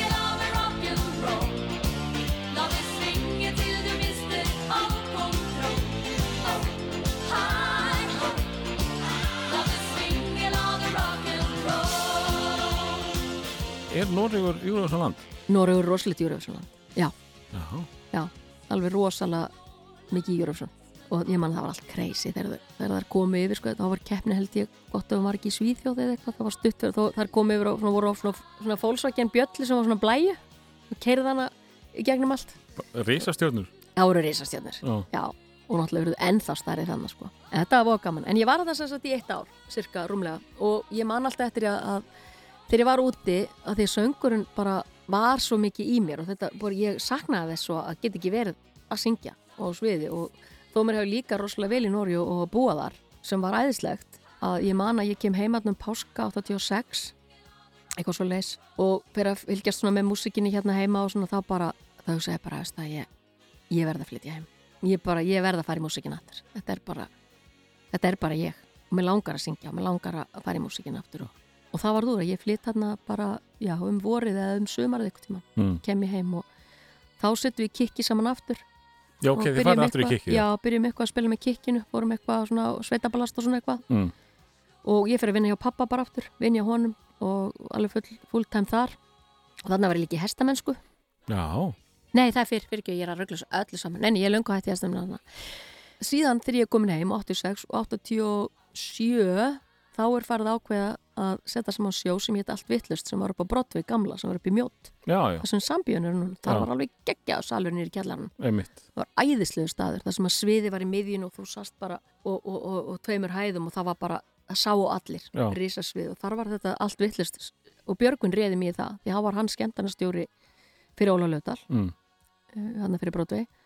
Þannig ég er áðin í, í það sjó sem eina kvenröddin Sem var, hvað, út á hvað gekk þetta sjó? þetta gekk svona út af gamla rocktíman það var búparti sjós, alveg með þræð og öllu og það voru svona aðleikundur og svona en það var ekki talað í, það var bara sungið Já. en það var náttúrulega bara tólkað með lögunum sagan og það voru fullt af dansurum og þetta var svona þessi rocktíma, þetta rocktímabil Er það að tala um 50s, 60s? já, eða? já, algjörlega Mm.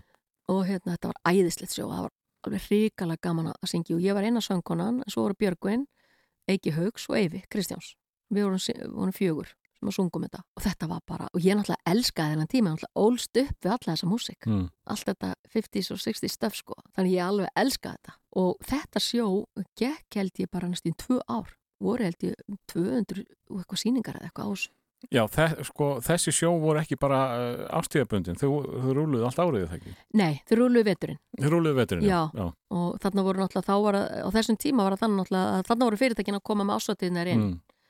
Og, og hérna og þetta gekk bara bæði föstas löðaskvöld og hérna síðan yfir sumatíman þarna 87-8 að þá er ég með bara með einn hljónsveit þarna á Broadway yfir sumatíman Já, húsveit bara. Já, húsveit og, og hérna þá bað Björgunum um það að vera með bara hljónsveit Bara ball. hljómsveit Sigur Bendens? Já, bara hljónsveit Sigur Bendens og það var rosa gaman líka svo fór bara aftur þetta sjó í gang hvernig við þennan vetur síðan, er ég, síðan opnar Óli Löfdal náttúrulega Hótel Ísland nýri í Ármúla og vákama að sagnar þess hús það sem voru svona dinner sjó. Já.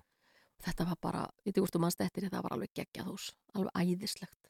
Og í dag það vantar þessi hús Mhm. vantar algjörlega þessi hús. Og þá byrjar Óli Löfdal þegar hann flyttur sér þetta nýrtir að þá byrjar hann að upp fleiri tegundir af sjóum. Mm. Þú veist, það voru svona rockskor og bítlahár og það var, það var alls konar sjó. Og ég var eiginlega í öllum þessum sjóum Þú varst annars svona, uh, ef að segja, söngleikja drottning bara.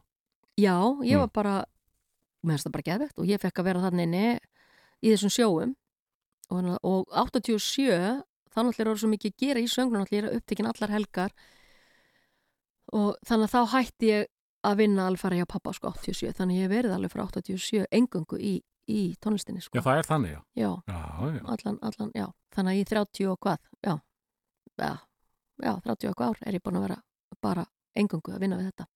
Og síðan bara, svo leiðist þetta einhvern veginn áfram. Svo er náttúrulega Gretar mætir hann með stjórnina á Hótel Ísland og þau taka böllin hann fyrst. Býtu, Þeir- var til stjórnaðan að þú já, kemur inn? uh, árinu áður en ég kem inn í bandið er stjórnistofn og það var Alda Ólafs söngkona í því. Já. Alda Ólafs sem að flist síðan til London. En þegar mín innkoma í bandi er að ég er í rauninni í sjóið þarna á Hótel Íslandi og ég byrja ekkert og hún veikist eitthvað eitt kvöld eða eitthvað helgina þarna og, og Greta spyr mig hvort ég var til í að stepp inn fyrir hana. Bara því hún væri veik. Og ég er bara ok, ekkert mál og ég gera það. Þannig ég tek sjó og ball þannig einhverja helgi eða einhverja helgar og síðan bara þarna um áramöndin 88 uh, já, frekar en 87, 88 88, 89, já. Þá, þá ákveður hérna Alda að flytja út til Breitlands og með eitthvað lag sem hún ætlaði að gera og, og hérna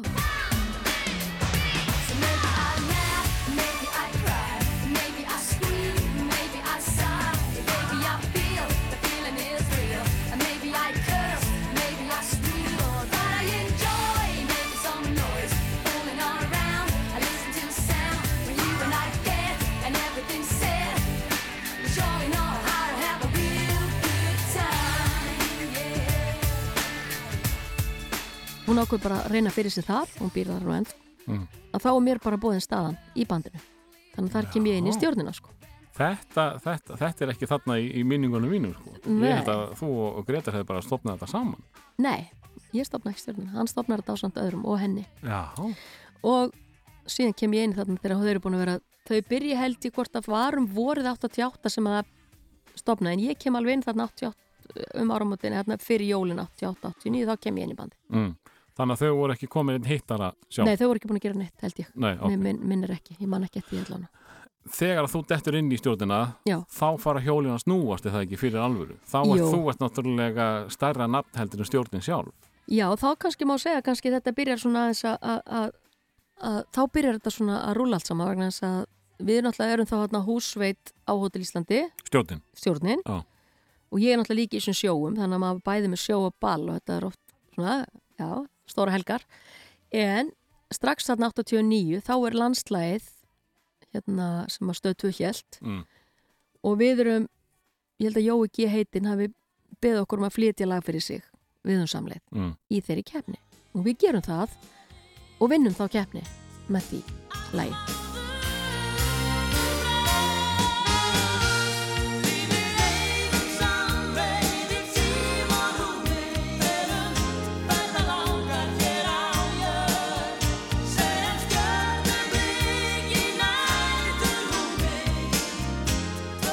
og er það fyrsta útgáfan ykkar? Já, það er fyrsta. Já, uh, Nei, að vísu gerðu við eina, eitt lag áður og það var lag sem ég samdi. Nú, Já, sem heitir Ég finn það nú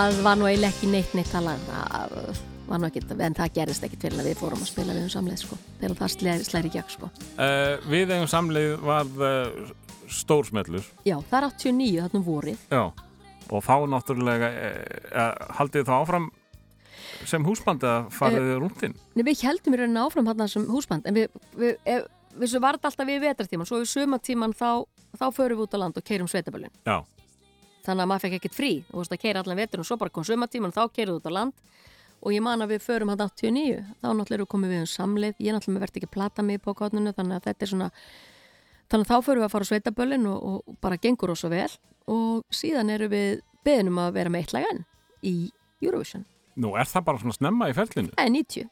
Það er bara strax á eftir. Takk eftir. landslægið og svo bara beint í aðkettnuna Já, Já. svo bara beint í Eurovision. Þetta var bassarleikarinn eða ekki hjá uh, meistar á sveiflunar Jú, jú, og ég, ég man að það, hann var ekkert svona ánað með að hann hafi svolítið stólið uppskriftin hans geirmyndar já. á sínum tíma Manst eitthvað eftir því? Nei, ég Nei. man, nú ekki alveg eftir því Af því að geirmyndur hafi reynt hann að einhver ára á undan og ekki, ekki náð alla Já. leið en svo kemur bassi með þetta lag Já, og hérna, hérna og við erum beðnum að syngja það sem við ákvæmum að gera og hérna sem stjórnin eða Greta sem stjórnin Já. og stjórnin fer öll út sko Mm.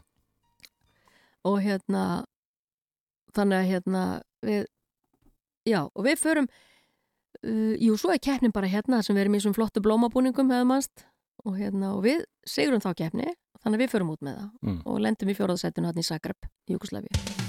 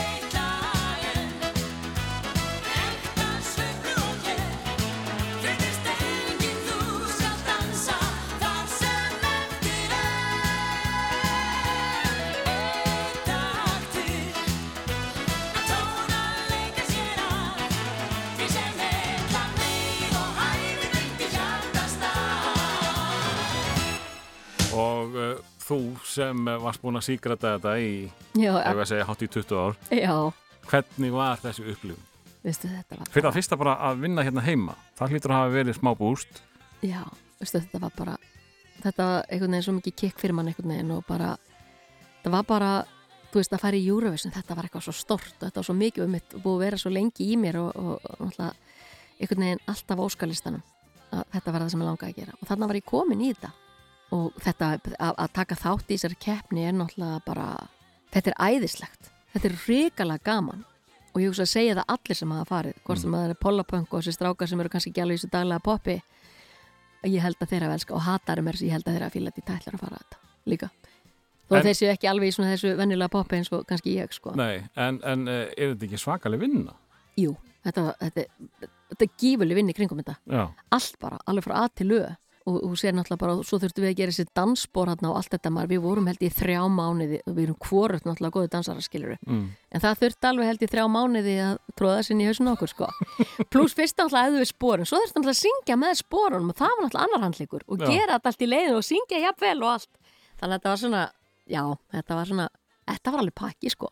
Að þú lítur hann tilbaka hva, Mm. úst, hvern, hvernig var þetta? Hva, úst, hva, út á hvað gekk það, var ekki, það er ekki sama hystería uh, þá og þetta er í dag því nú er allir með bloggsíður og það er allir mm. uh, það er svona búbla var þetta, veistu hvort það var jafn mikið þá?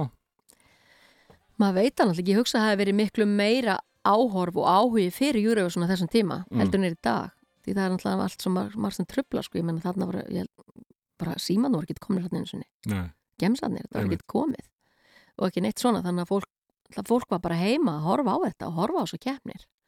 Svona þannig að það er ég held að þetta sé svolítið öðris að þýlit í dag er svo mikið meira sem trublar, veist, allir samfæðarsmiðlun og allt þetta er náttúrulega miklu meira sem kemur inn þannig að Mm. þú veist, en þarna var þetta bara þú bara fórst og þú varst að flytja lægið þitt á þrjum myndum og þú varst að lægið varð að hafa allt. Það var að hafa, veist, já bara sviðsframkomuna, það var að hafa búningana og það var að hafa, það var allt að virka. Já, og það var myndum við höfðum búningana, það er klart mál. Já, já, ég fór nú endan mínan kjól sem við vildum aldrei fara í Á þessum tíma vorum við ekki búin að vera að gera neitt rosalega merkilega hluti nei, í keppninni. nei, Var ekki rosalega gaman að ná svona rosalega hátt? veistu það og, já, það sem okkur brá mest við bara við skildum fara svona hátt að því við sungum á íslensku við heldum að það myndi bara aldrei virka Mm. og það náttúrulega var æðislega vegna þess að hann, hann náttúrulega hafði farið á undan okkur hann hérna Daniel Ágúst og, og fekk ekkert stig hann Var það árað undan? Já, Já, ok. Þannig að við fórum, þú veist, þannig að fólk var ekkert að búast við eitthvað miklu, Nei, skilur þú veist, nei, nei, þetta verður eitthvað, bara, þetta var, svo bara gerist þetta. Og það var alltaf bara geggjað, sko, og þetta var bara, alltaf vera þarna úti, sko, veist, og, og þegar við vorum, við vorum svo oft, sko, bara svo ofur, og vorum alltaf fyrir ofan tíu, vorum alltaf þarna, annarsætti, þriðarsætti, fjórðarsætti, fymta, vorum alltaf svona rokkandi þarna, þannig að maður var alveg fann að titra, sko, hvar lendu við? voru þið einhver hann að pælja að mögulega vinna þetta? Ég, ég veit, það gat alveg verið einn, við vorum svo rokkandi alveg upp, vorum alveg koni annarsætti eitt skiptið og, Mm. og svona þannig að þetta var þú veist, en maður alveg bara, veist, ég man ekki hvort við höfum talað um það, sko, bara, veist, bara, hvað ef við vinnum þetta, hvað Mm. þá?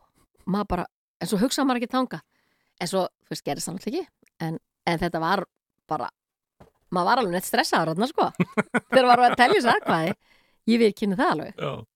en vá, þetta var svo gaman og svo það sem að gerist eftir keppnina vilt, í þessum keppnum er vilt þeir sem eru á sviðinu, þetta eru vilt ekki teilu böndin þú séu á sviðinu, þau kunna vilt ekki neitt Nei, En við förum að út sem band, eða sem stjórnin og náttúrulega strákarnir röttuðu en það náttúrulega hljónsveitin, hljónsveit sem spilaði þannig að þeir voru ekki að spila á sviðinu sko. En strax þegar við komum niður og þegar á hátíðin sem var haldin eftir, eða þú veist það var alltaf eitthvað skemmtun eftir kvöldið sko, þá, þá förum við á sviðu og spilum og þá var alltaf svo hissa. Hvað geta þau spilað? það fættu ekki, við vorum starfandi band. já, Þarna já. tókum við eitthvað, já við tókum alveg nokkuð lög sko. Eh, En svo kemur heim, eh, komið þið heim bara sem þjóðheitur, eða ekki? Jú, já, þetta ekki að móta okkur í kepplæk og allt maður alveg blóm og allir bakinn, sko. Já. Já, já, Og þetta er að vori, þetta er í mæ.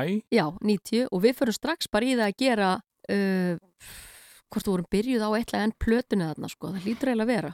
Vorum að vinna í henni líka samhlega þessu öllu, sko. Mm.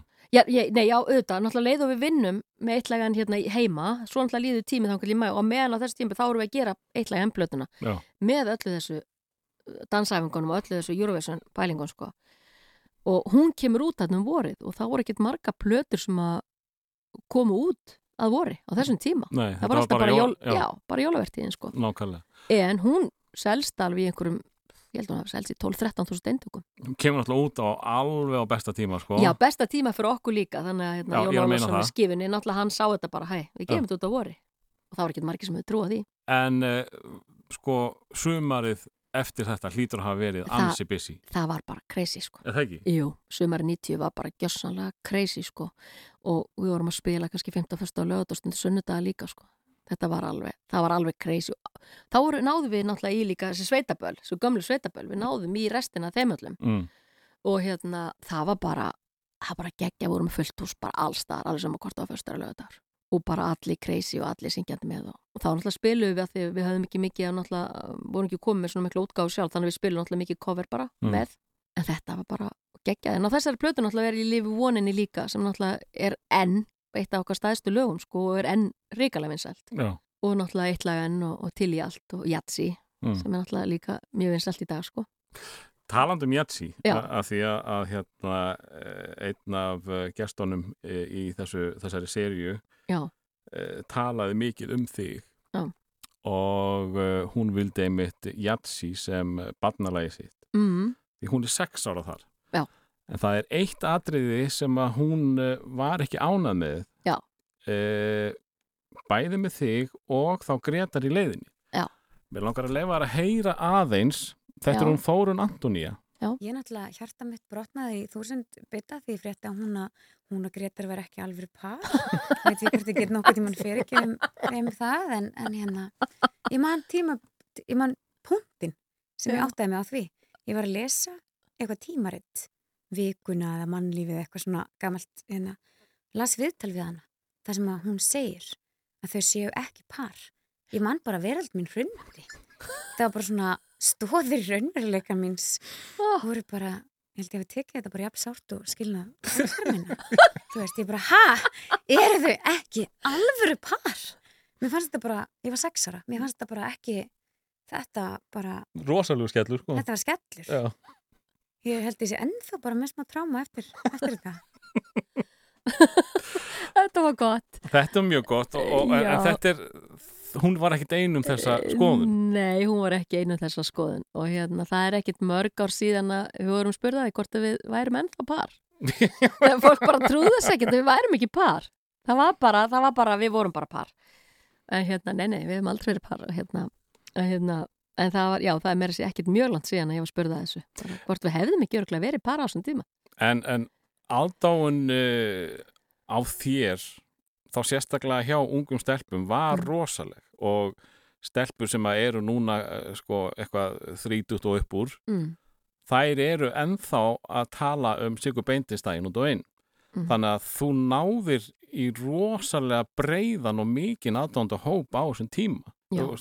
Hvernig var svo Þú veist, þarna varstu uh, jafnvel fyrir fólkið á elli heimilunum og Mm. varst líka barnastjarnar sko. Já, þetta hlýtur svona... að vera rosalega ábyrð Já, ég, ég tók hún samt eiginlega aldrei þannig sko. Nei. Ég bara fór að gerði þetta sem ég átti að gera og hérna kláraði það en ég, já, ég alltaf átt svolítið stórun hóp sko, já og, og mikið og enn eins og bara núna vorum að spila núna græna hattinum, stjórnin og hérna, það er bara, og, og svo þegar við spilum um þessi bæjabíó, tónleikum eða eitthvað þá er bara svona 80-90% bara konur mm, í salnum Já. og hérna við grínst oft með það sko. En það, þau, þið eruð ekki mörg hér á landi sem að hafið náða að snerta þessa taug. Já, en þetta gerist held í allt í kringu Eurovision, svo fyrir Mm. náttúrulega aftur í Eurovision 92 með nei eða já Mm.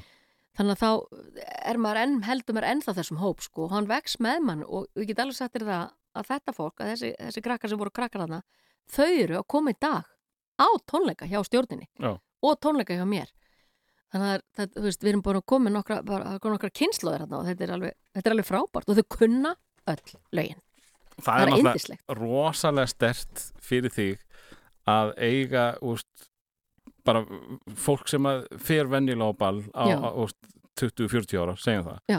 Svo áttur þú líka 5 til 15 ára sem hún gæst bara beðið eftir Eh, þau, voru tilbúin á danslíf sko. þau, þau ætluð alltaf að fara að sjá sigursvína sko. Það er alveg klart mál. Já, já, þetta er, að þetta er bara indislega, ég er bara, ég er bara rosalega þakklátt, sko, og hérna, bara fyrir allt sem að, að og ég væri alltaf ekki að syngja nema því að fólk er að mæta. Nákvæmlega, nákvæmlega. hérna, þannig ég er bara rosalega þakklátt og, og ég er rosalega ána með bara, bara hvernig þetta við gengið, fyrirli minn og, og, og hvernig þetta við gengið gegnum árin, sko. Og, bara, og það sem að toppurinn á svelli er bara, það sem maður getur þakka mest fyrir er að fá að vinna við það sem maður elskar mest að gera Nákvæmlega. og búin að elska þetta líka sinni var krakki. Mm. Þannig að svo ég segja, þakklætt er mér efst í huga. En, en hvað hérna, sko, uh, hlaupum hérna yfir einhvern smá tíma. Þið farið aftur út og Já. uh, ekki var það náttúrulega til þess að dælda mikið vinsaldir, vinsaldir uh, stjórnarinnar. Nei, og uh, plötur seljast vel og, og en fer þetta ekki að verða bara ansi erfitt að vera á þessum endalöfsum þeitingi, er þetta ekki rosalega vinna að vera að túra? Jú við, þegar þó að gangi svona rosa vel. Jú, auðvitað er þetta, þú veist, maður var opslega þreyttur oft, sko, en það sem að, það sem að hugsa eins og í dag, ég myndi aldrei geta gert í dag. Þarna var maður náttúrulega bara innan við þrítugt mm. þá hefur alltaf þessu orku og þú þart ekki allan að svefna eins og þartir úr þóna eldri skilur Mm.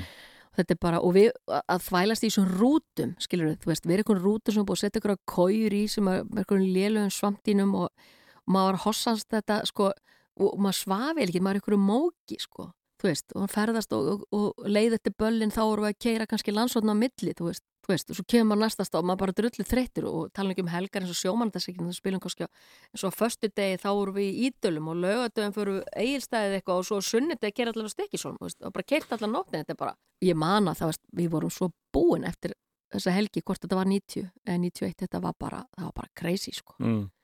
og þú veist, við vorum kannski þú veist, byrjum kannski, fórum á bænum kannski á 50 degi, kannski tókum kannski jafnvel self og svo 50 degi eða eitthvað og svo heldum við áfram austuristir eða eitthvað og maður kannski, þú veist, keirandi 5. först á lögadag, kom stundum heim á sunnudegi, stundum voru sunnudegi en tekkar eitthvað staðar, svo maður bara kom heim og maður bara eins og flag sko og svo bara kvildi maður sig og maður var aftur, aftur á stað á 50 degi sko og svo það sem við gerðum líka aukalega til að svona minkallan kostnað sem var náttúrulega með dýra rútur og dýrt hljóðkjörfi með okkur og, og náttúrulega menn náttúrulega starf. rótara og Já. staf svona kringum þetta að við fórum í það, ok, til að minka kostnað þá fórum við að halda badnaböll líka, Mm.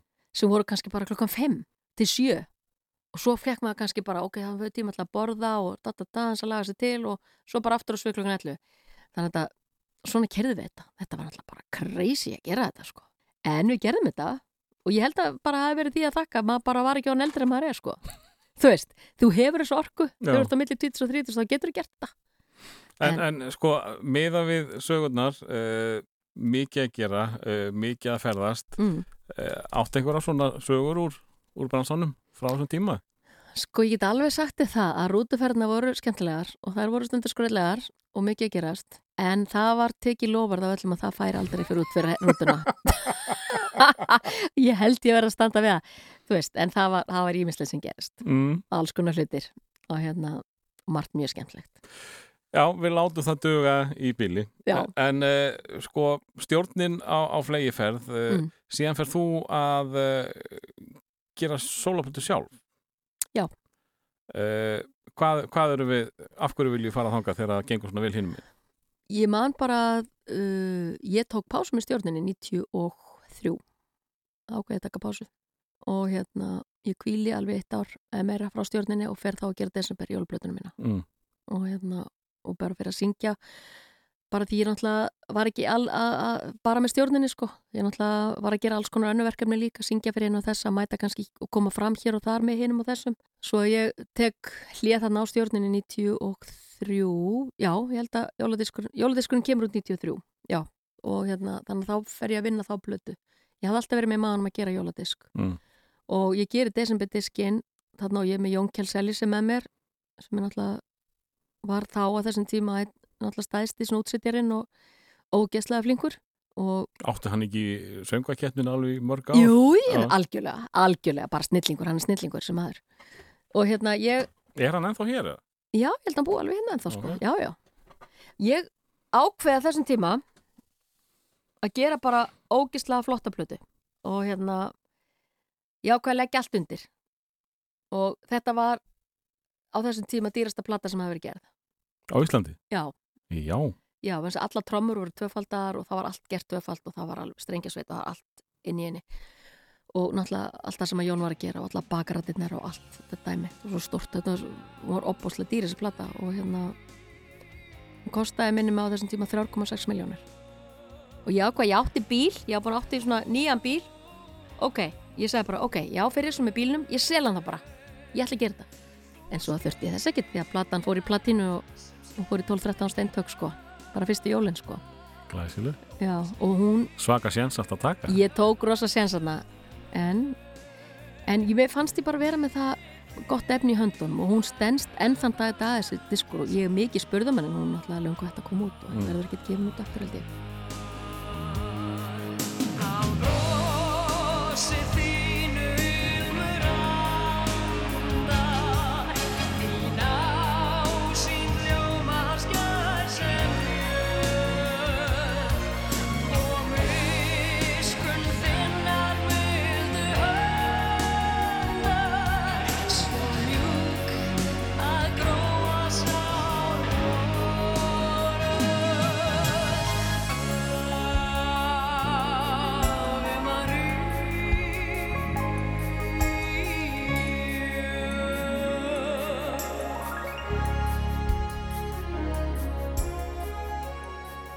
Hún það er ennþá spilað mikið af henni, bæði í kringu jólin og, og annað og ég spila náttúrulega oft af henni og, og mínum jólutónleikum og annað sko. Því það eru bara ákveðin lögarna sem að bara þurfa að heyrast. Já, En þarna ger ég sem sagt þessa, já, hluti. Já, ég veist, ef að Sigga Beinteins gæti það ekki á þessum tíma þá Mm. held ég að enginn hafi getað það sko. þannig að veist, þetta, þetta var eh, til að taka þennan séns einhver tíma þá var það þarna sko. Já, þetta var kannski alveg réttu tímapunktur, einmitt, einmitt, alveg rétt hjá þér, að, gera þetta einmitt þarna sko. Af því það var búið að ganga það vel á undan að, þú veist, að ég kæmi jólblötu þarna. mm. En þarna á þessum tíma líka, þegar ég kvíli stjórnina, þá fer ég út í band sem heitir N1 Plus. ha, Við gáum líka út lög, við gáum út 2-3 lög. N1 Plus N1 Plus, já. sem eru Svo hver stalst bara þetta N1 stálu síðan, nei, tjók. það hétt N1 Plus.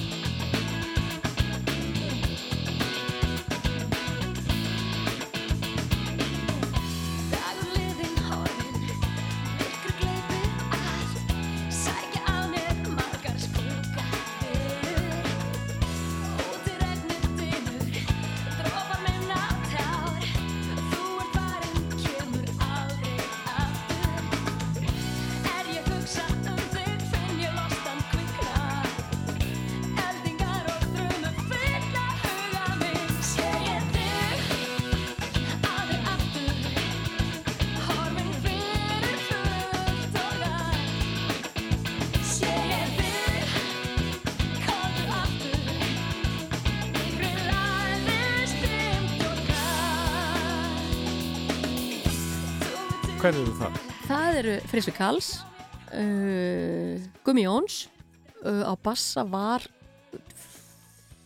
held ég Þórður Guðmus, ég mann það ekki alveg. Og ég bara man ekki hvort að Halligulli hafa verið á trommum hjá okkur, ég, mér minni það, þetta var svona meira rockband og svona, en mikið cover, spilum mikið á bölum og svona. Og það gekk alveg ágætlega en þetta var ekki stjórnin og Gretar stopnaði líka sjálfur band, annar band sem man ekki hvað heitir Þú varst, var ekki einhver dúa sem varst með Freka Karls þið gerðu Jú. þetta It's My Life Jú, það var Hvað heit það? Eitthvað Gigabyte? Gigabyte og við gerum þann duett oh, nú man ég ekki alveg hvernig við gerðum þetta það var, það var 98, eitthvað, 97, 98 Já, það var eitthvað. svona ekta 80s dans eitthvað Já, og það var og það var náttúrulega í kringum það dæmi þú veist, þá kemur Steinaberg til okkur og, og hérna fekk þess að frábærum að við myndum gera eitthvað, búið til eitthvað duett og hérna við gerum þetta, já, fyrir fyrir náttúrulega var mikið með mess og þarna mm. og svona Þannig þannig er Freki náttúrulega stórstjarnar, hann er ofta að að spila já, já, og hann ekki að spila með einhverju heimsræðu fólki að núti það er setna, Það er það er setna já. Mm. hann flyttur út uh, eftir hann er með stjórnina sko, hann var Já. stjórnin náttúrulega En Hvernig það- var að fá Freka Karls í stjórnina? það var bara æðislegt og Jó Ásmunds því líku sko bombunar þessi góður Ekki það að stjórnin hafi þurft eitthvað að því að halda en Nei. að fá þarna tvo rísa í viðbót það var bara æðislegt og, og, og það, sko, stjórnin hefur alltaf verið skipið, skipuð alveg toppmönnum sko. Já, og það er, það er bara þannig og, og við höfum bara gert það þannig við Gretar bara, tekur þá Eyður við af uh, Jóa? nei, Eyður byrjar Hann byrjar, Eyður byrjar í stjórninni sko Kemur svo, hann er núna, eða ekki? hann er núna líka, Já, já, já. Já. Eyður er núna líka. Og, og Kitty, svona Gretars, hann er, er í stjórninni líka núna. Einmitt. og Fúsi Óttast trómari alveg bara, þetta er náttúrulega bara snildaband sko. En, en hérna núna um helgina síðustu þegar við spiluðum með, hérna, á græna þá voru einmitt friss og jói með okkur aftur. Nú er og það. það var indislegt, það var bara æðislegt að upplifa aftur hennar tíma og upplifa þá aftur með okkur og svona, það var bara ógislega gaman.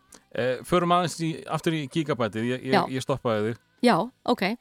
Uh, Þetta er duett sem við gerum og við gerum tvölu, við gerum meðal annars It's My Life, lagið sem að Talk Talk gerði sem var Mhm. svona one hit hjá þeim. Og það farið í margar ringi með þetta lag. Fyrst gerum við frissi útgáfu af laginu venjulega útgáfu en síðan sendir Steinar það út til London og það eru nokkru pródúsörar sem eru látnir hafa lagið og, og látnir vinna það og það er gerð útgáfa af því sem er svona þetta remix sem er núna til dæmis á YouTube. Það er til vídeo af því á YouTube það ekki, var það ekki á reif í eitthvað plötunni? Jú, það var á einhverju plötu og þetta fór líka út í Skandinavíu á, á einhverju sapplötur þar Já, já. og ég veit að lægi var mikið spilað í Noreg og ég var svo hissa þegar ég fór sjálf til Noregs einhvern tíman fyrir nokkrum ára síðan því ég var náttúrulega með skólaða sko, Mm. að þá heyri ég lægið spila í útvarpinu og ég var svo hissa ég var að keira í bíl og heyri ég það bara með mér og ég bara what engin veit hvað maður er hana en, hérna, en það sem að gerðist með þetta lag við gerðum nefnilega ekki neitt átti að gera eitthvað úr þessu og mikið og við vorum sendið Noregs og Óslóar og, og vídeo við lagið var gert þar Nú. Já, við gerum lagið í Ósló Átti við þetta, að fa- á- átti, að- átti þetta að vera útflutningsvara? Já, já, þetta átti að vera það Já. og það var það kannski að vissu leiti þó að við höfum aldrei farið inn en að þætti eða gert neitt að við förum inn á danslista billboard í bandaríkjum við 27. sæti með þetta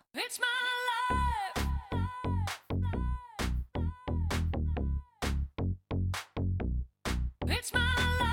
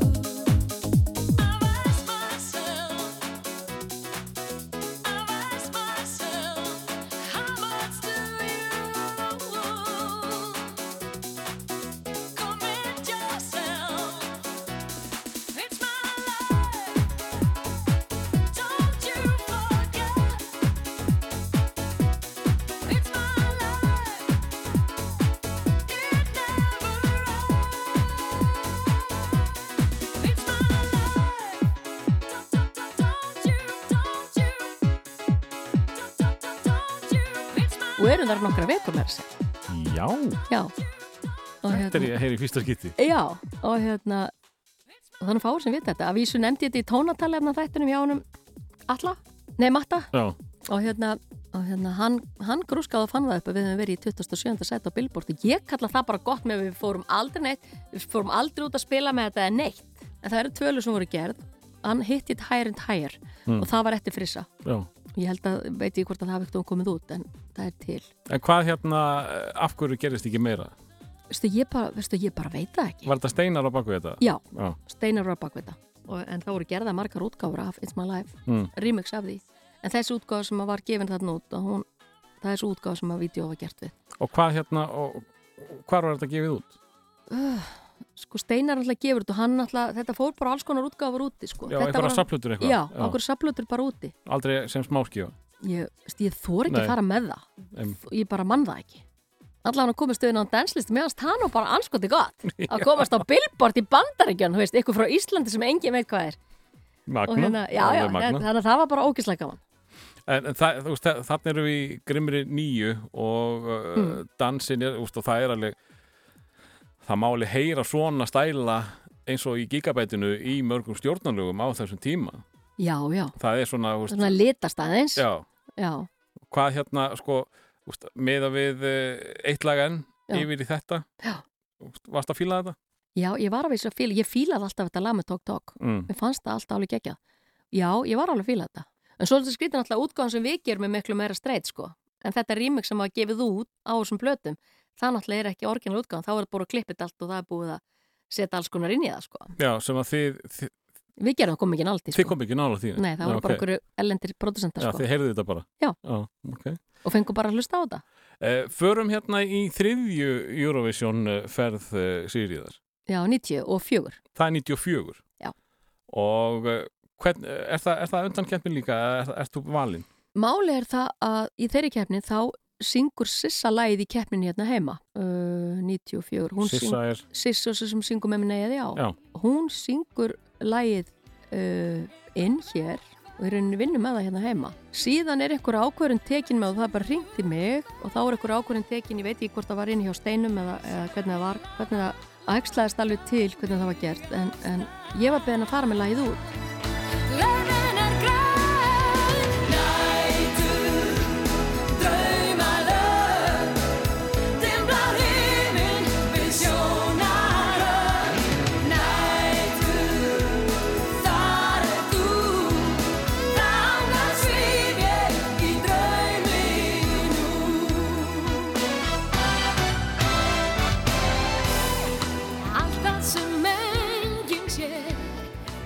Hvort það var út af því að ég var búin að fara áður og eitthvað svona, ég veit það ekki ég man ekki alveg hvernig þetta var.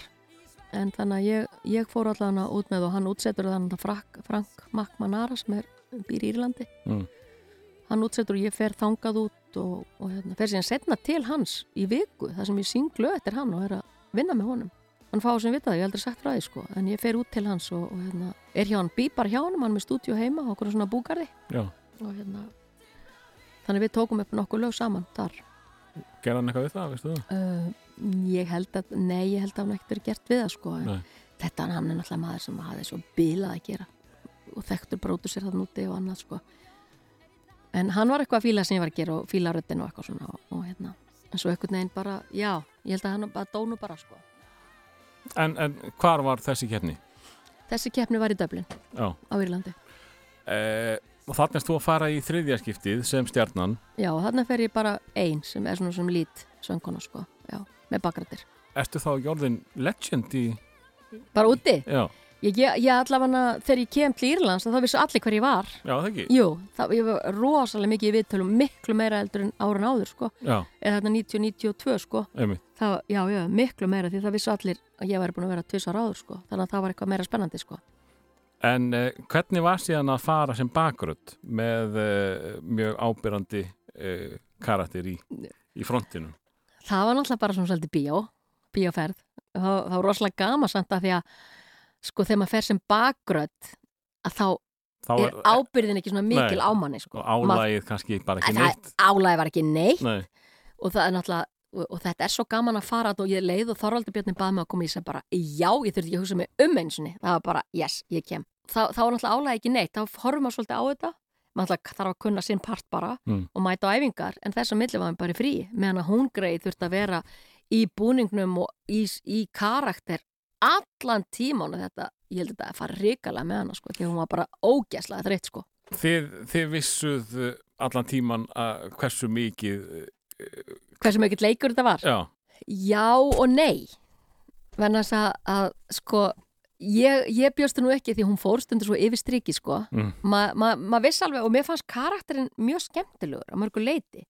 Þetta var svona svolítið Malin Monroe típa sko sem að sveiflaðist síðan út í bara eitthvað geðveiki sko. Mm, hún var bara stundum að var stundum bara og þegar hún segir- segir hérna F orðið við, þarna var í salin sko við, þá bara þá var það allt vittlust að núti ég er ekki að djóka í eðinu og síðan erum við að fara hérna bara þú veist, bara ykkur að daga og svo áttu frí hérna, fyrir bara inn í bæ að labba og svona í búðir og náttúrulega, fólk sér náttúrulega við erum náttúrulega, þú veist, við erum svo hvít og föl sko, Mm. við gátum ekki verið grísk. Eða neitt þannig, vorum ekki með átlit þannig að það við vorum spurð átt að því sko, hvort við værum á vegum kefnarinnar og, og við spurðum, já, já, við erum að keppa og fyrir hvernig er að kepna, þá sögðu alltaf svítjá við þarðum ekki að segja Ísland þess að það var svo mikið, var svo mikið á móta, það var allt vittlust úti sko. Því hún bara gjössanlega gerði allt crazy sko, bara Mm. all, alla fyrirsagnir og allt. Svo förum við eina búð þarna í Greiklandi og þá segir kona sko, veistu það, hér í Greiklandi það er bara liggu við sko bara fangelsi að þú segir, F-orðið það núti sko mm. það er bara, þú gerð það ekki það er bara ekki gert Já, sko, hún sagði mér það að hérna, uh, hvað það var, Rómeo eða hvað hann hétt, kærastinn hennar Já, hann sagði við hana of kondi hérna frá svo ljóta fólki ljóta gríska fólki. Já, það gerði allt vittlust þú mátt ekki segja að gríki séu ljótir. Nei, og þetta heyrðist í sjónvarsútsendingu eða eitthvað svo leið sko. þá, þá var þjóðin komin að sko, já, bara tilbúin í stríð sko. já, en þetta var, já, já, þetta var algjör styrið, þetta var alveg rosalegt. En þetta var okkur gaman einhver síður, en vá, hvað hva þau leta hann að gera, sko, þú veist, og, og hún var, sko, ég veit ekki eins og hvort ég með að segja frá þessu, en Úlfur var þarna með henni, sko, og hann var með kameru vilt alltaf og, og hún var með í eiranu bara alltaf og hún fekk oft skilabóð på hvað hann ætti að gera. Og einu sinni þá átti hún bara að rækja á blaman og hún gerði það bara, hún rækti bara framan á blaman og það var allt við vorum alveg bara, maður var stundum alveg vissi ekki hvort maður var komið að fara, hvað maður ætti að gera uh, hvort maður ætti að brosa eða ekki brosa og þetta, þetta var alveg rosalegt hver, var, Atriði í- þessi, hver var í eiran á henni? Uh, hann hérna sem var gerði atriðið hann hérna, Úlfur? Úlfur já, Já, ok. Já. en, en, ég vissi það og við bakarna vissum það ekkit fyrst. Nei, ok. Við vissum ekkit af því. Svo bara sé ég þetta, hann er að tala hann er alltaf með kameru og tala alltaf í kamerumæki og hann tala við hana. Þannig að það bara, gerði þetta núna, þú veist, núna það. svo hún alltaf, svo flott leikona hún bara gerir þetta. Og hún leik þetta náttúrulega alveg sko snildar vel sko. En þú með þetta orðspor á þér já, uh, búin að keppa þarna þrísvar uh, gengi vel, ert legend í keppninni mm. Fyrst þú einhvern skýt? Að tengjast þessu? Nei, ég, sem betur vera þá hérna, vissu ekkit margir þetta var ég sem var aðna Þú varst náttúrulega í einhvers konar karakter sjálf eða ekki? Já, ég var náttúrulega með hanakamp og allt sko og búið til alveg rosa búningur og allt en nei, þess að milli þá, þá var ég bara náttúrulega ómáluð og var bara úti þarna sem bara eins og eitthvað ferðamaður þannig að Já. það vissi enginn hver ég var Það var þetta sama um bakgrætuna Já, það líka var allt á henni hún náttúrulega var svo mikið atrið og, og, og, og það voru svo mikið læti í kringum hann og allt sko að það, það fjallu allir í skuggan Ég var rosa sátt við það. Ég, ég lendi einu viðtali við eitthvað þegar við, höld, við heldum saman þarna uh, Norðurlöndin, heldum saman eitthvað svona partí sem að uh, vísu Silvía mætti ekki í. ég held að hún var bara, ég held hún hafi bara verið búin á því sko, Já, já, já, en það er bara mjög líkt karakternum Já, eða líkt að mæti ekki, sko, ég man ekki alveg hvernig þetta var. En þetta var Karola og hérna var danska söngkonan og, og, og náttúrulega þeir hérna finsku strákarnir hérna í Hard Rock, halleluja, hérna Mm. búningarnir og allt. Mættu hérna allir þannig að þar, jú, þar voru tekin ykkur viðtöl við mig. Þá var búið að kveikja á því hver ég var. Já, þannig að ég man allavega að það var danska útvarpið og eitthvað svona. Þetta var svona, já, já, þetta var skrautlega ferð en náttúrulega ógislega skemmtileg, guðmund góður bara, þetta var geggja að fá að vera innan með hennan, hennan leikaraskaparna sko, og eins og að blaða mann að fundurinn sjálf eins og stór sko. Mm. og eftir daginn áður hafði hún verið með veist, að, að hérna, tala svona illa við liðið hennar og allt, og allt crazy. Og þá kom hún svo auðmjög sko tilbaka og var alveg bara, bara, ó já, ég bara þetta ekki leðilegt og, og ég er bara, yes, hún er komið þannig karakterinn. Þá er hún komin í svona Malin Monroe. Mm. svo bara allt í henni snerist hún við bara, þetta var svona þetta var svona eins og okkur bara psycho bara ógislega ljúf og blíð og allt og svo gæti hún allt í henni bara hrækt á okkur neða eitthvað. Þetta var alveg rosalegt. Og þetta, mann er stóðst ég við ekki alveg, mann stóðst stundum stóð mann ekki alveg á sama sko, þú þú væri ekki að fara aðeins yfir strikið sko, sem hún fór alveg yfir strik Já, hún fór e, og eins og hún sagði mér þá var Eurovision algjörst aukaðetri þau voru að búa til sjónvast ég veit það. Ég veit Það það, og var- ætluðu líka að koma sér meira kannski út í Evrópu Já. með þennan karakter. Júrasum var ekki datrið fyrir þau sko. Nei það var allt hitt í kringu það sem þau ætluðu að búa til úr og, og láta bara alla vita að þessari típu sko. Nákvæmlega, uh, og, og allir viss af henni en eh, tók henni greinlega ekki nógu vel. Nei, ég, veistu það, það sem held ég að að þegar hún var þessi ljúfi og svona þessi svona svolítið Malin Monroe einhvern veginn sem að mér fannst ég les út úr þessu þessi mjög æðislega svona, svona virka svolítið stjúpid en var ekki stjúpid. Ég heldur hefði, ég, ef þau haldið þeim karakter þá held ég þau hefðu ná lengra. Mm. Hann, það var náttúrulega miklu fyndnara. Það var miklu fyndnara og hún var skemmtilegri karakter þannig. Já, en, En hitt var bara- svona meira sjokk eitthvað. Hitt fór bara svolítið mikið yfir í sjokki þannig Mm. ég heldur að við skemmt svolítið fyrir sig að fara svona alveg yfir striki með hana sko. Það var hana svo hrikalega ykta sko. En er þetta, var þetta síðasta uh, framlag þitt til Eurovision? Já, ég hugsa það nú, en ég var alltaf til að fara til bakgrútt ég með alltaf vera til að fara til bakgrútt þannig að það er bara ógeðslega skemmtilegt því það er engin ábyrð og ekki neitt. En já, já, ég held að alltaf þegar þrönd er sko, ég held að, að hérna, enda kom svo mikið af flott ungu fólki sko, ég held að, að mín, minn tími sé búin en, en það þyrfti allavega að ég er án svo kröfuhör líka á lögin sko, Mm. sem ég syngi í dag að hérna, ég myndi þurfa að hafa það algjörlega gjössanlega bara, ég myndi fíla það og ég hefði tróði Mm. en ég held, ég held samt að minn tími sé búin, þannig Já, En þessar ferðir eru svo skemmtilegar, þetta er svo gaman að fara og ef þú eru einhver möguleika, ef þú dygtum að fara fyrir rúf, þá skaltu Sem gera bakgrödd, það. já. Já, eða bara sem Dansari. útvarsmaður eða eitthvað, þá skaltu fara. Því þetta er geggjað. En er ekki búið að taka stóna hluta af ykkur því nú eru bakgrættunar á teipi? Jú, nú er þar konur að teip. Við, við þurftum alltaf að syngja þetta, sko. Já, en En- úst, ég held að það nefnilega hafi verið draumurinn að vera bakgrönd, fá Já. að taka allt partíið, Já. en engin ábyrð, engin. Ok. Bara geggjað. En uh, það er liðin tíð, það búið eða líka það. En það fara alltaf dansara með og einhverju sem er að syngja eða þykjast syngja, sko. Og vonandi fara bara út að sem enn bráðið með. Ég vona það, þess Fram þetta er það, þetta er sko. ógeðslega skemmtilegt. Eh, ef við ekki að taka smá hérna uh, þessa uh, þessa söng, söngskóla hliðaskref þitt Já. sem að nú skulle ég alveg viðkjöna það að þó sérstaklega dótti mín Mm. horfði mikið á þetta og ég skal alveg viðkjöna það að sömu lögin fóra, fóru mikið í tögun á mér Já, Sönguborg. Já, Já, það er búin að heyra mikið af því. Uh, hvernig kom þetta til? Því þetta, þetta er náttúrulega reysa stórt og þú talaði nú þarna á þann að þú hefur, hvað, opnað skóla í Noregi eða eitthvað? Já, var, Sönguborg var annað, Mm. það er náttúrulega diskarnir sem við gerðum út í á Marja Björg, en áður en að Sönguborgin kemur út að þá ger ég á svont frænda mínum einum, þá gerum við disk eða Vafas bólu Mm. sem heitir Söngastund Já, já. og við gerum hann og hún slær rosalega mikið í gegn.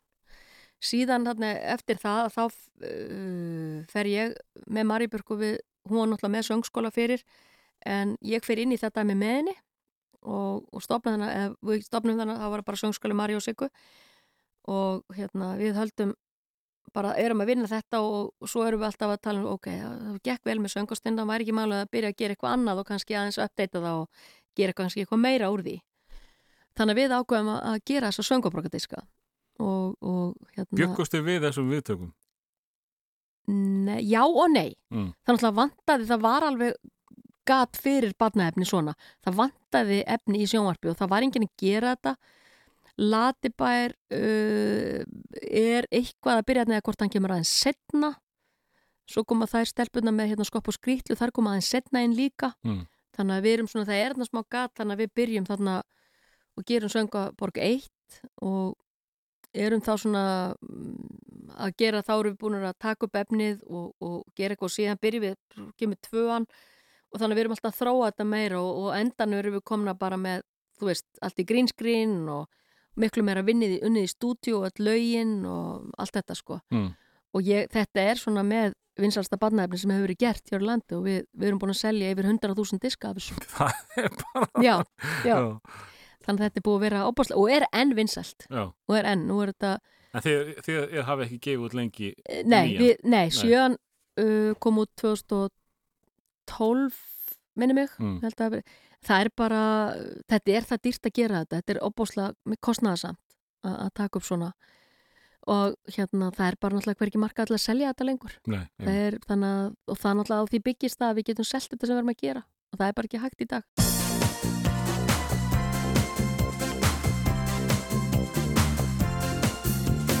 ert í góðu skapi sláð á læk Ef þú ert í góðu skapi sláð á læk Ef þú ert í góðu skapi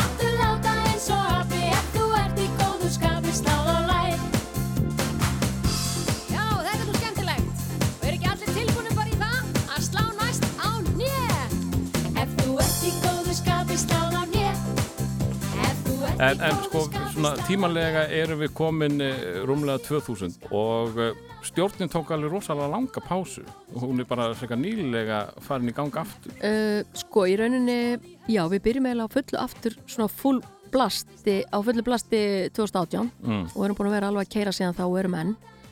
Uh, við tökum sennilega, já, við vorum samt aldrei hægt, þannig að við vorum að taka oft inn á milli svona engagík Já, og svona ásóttíðir og, og svona eitthvað, sko, sem við vorum að spila. Þið voruð ennþá í símaskonni. Já, við vorum með það sjónvarskunni að, að við höfum aldrei sagt að bandið hefur verið hætt sko, að því að var aldrei hætt og hætt aldrei en það var svona tekið smá hlýja ég held að það hef bara verið, við vorum búin að keira svo rosalega fólk að bara vildi bara aðeins kvíla Mm. veist, og þá fór maður náttúrulega bara í alls konar veist, önnur dæmi sko ég setti til dæmis upp tínutörnum tribut á Hótel Íslandi Mm. sem ég setti upp, skrifaði handrit og setti upp það gekk í eitt ár og þetta var svona alls konar, svo náttúrulega vorum söngaborgirnar að gera þær og svo var maður í alls konar verkefnum öðrum sko Eins og hvað? Hva, hvað sko, stjórnin hefur látið minna fyrir sér fara síðustu ár. mm. Eh, hvað, hvað er Sigga búin að vera að gera? Veist, Það er náttúrulega þessi jólatónleikar á hverju ári, það er svona svolítið stórt. Já, ég byrjaði með þá 2009 Mm. þá byrjaði ég að keira þá uh, ég náttúrulega var að gera sóluplötunar ég náttúrulega var að gefa út átta sóludiska sko Já, og hérna þær voru þannig inn á milli í þessu öllu saman. Síðan náttúrulega er ég með söngskólan með Marju og síðan fer ég út í því dæmi og stopna söngskóli í Nóri sem er með alveg frá 2003 og til 2000 og, já ég fer út úr hann 2012 hann er alveg í tíu ár, sá skóli. Mm. og ég var alltaf hoppandi á milli Íslands og Noregs bara eins og tissar í mánu þannig að hérna það náttúrulega var ég að gera, síðan er ég bara ég var bara að syngja í hinn og þessu náttúrulega var þá meira bara með mitt sóló, þá er ég að koma fram á alls konar viðbyrðum Já, ég ætlaði að mynda að spyrja því, hvern, hvernig fylgjur þeim eftir að því uh, sólaplötuna voru ekki sama stemmingin og, og stjórnin. Það var meiri, Nei, það var meiri dramatík Já, og þú varst ekki með Siggu Böll sem byggðu á, á sólaplötunuðinum. nei, þá var ég ekkit svo mikið þá var ég ofta að koma bara með hinum þessum hljónsutum og koma fram á böllum, Já, með alls konar böndum Mm. og, og setni tíu oft bara með playback Mm. og, og kom inn og, og svona sko síðan allir ég ædaldómari þrjú ár þarna.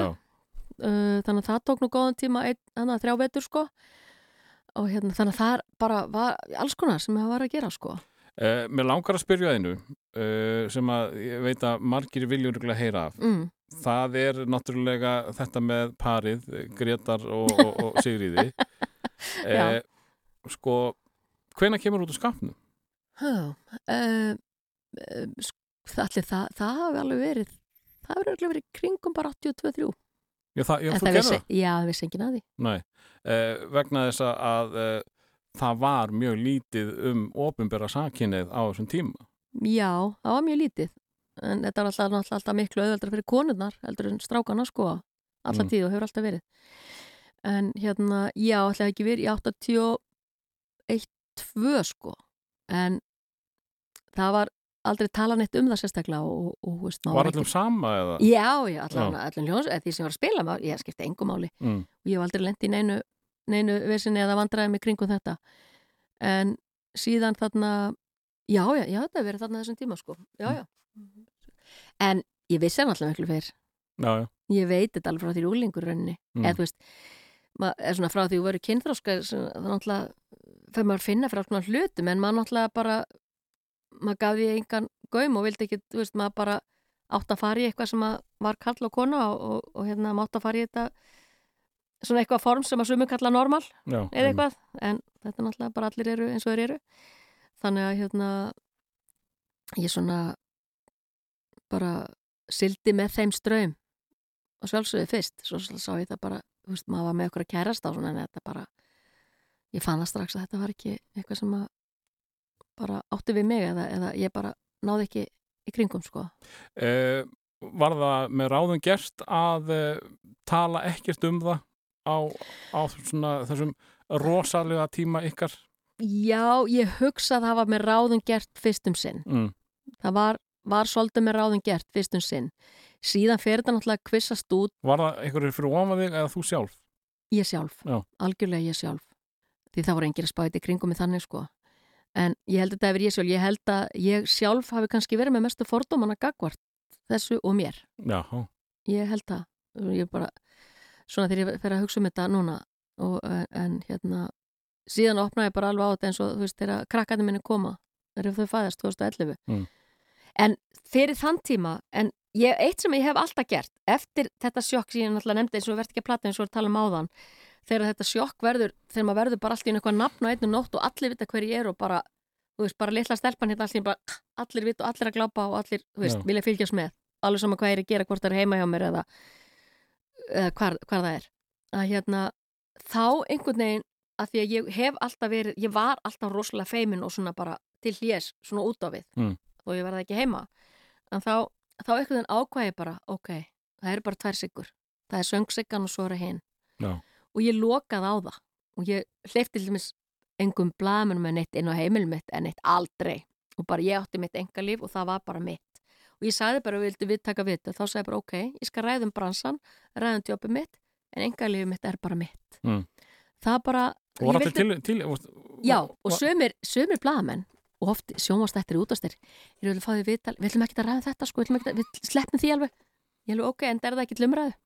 Og ég bara, ég bara vildi hafa bara mína skil fyrir mig og mína, mér fannst fólk almenningur og allir bara ekkert þurfa að vita þú veist, hvað ég var að gera heimi á mér eða með hverjum ég væri eða í hvernig sokkum ég væri Mhm. eða, eða, þú veist, mér fannst einhvern komaða við og mér fannst hitt var líka orðið svo, það var svo mikið skellur sko, eða svona stórt sjokk sko að mér fannst bara svo gott að, að geta bara haft mitt fyrir mig og bara þurfti bara að loka mig svolítið af þannig ég væri bara með mitt hjá mér.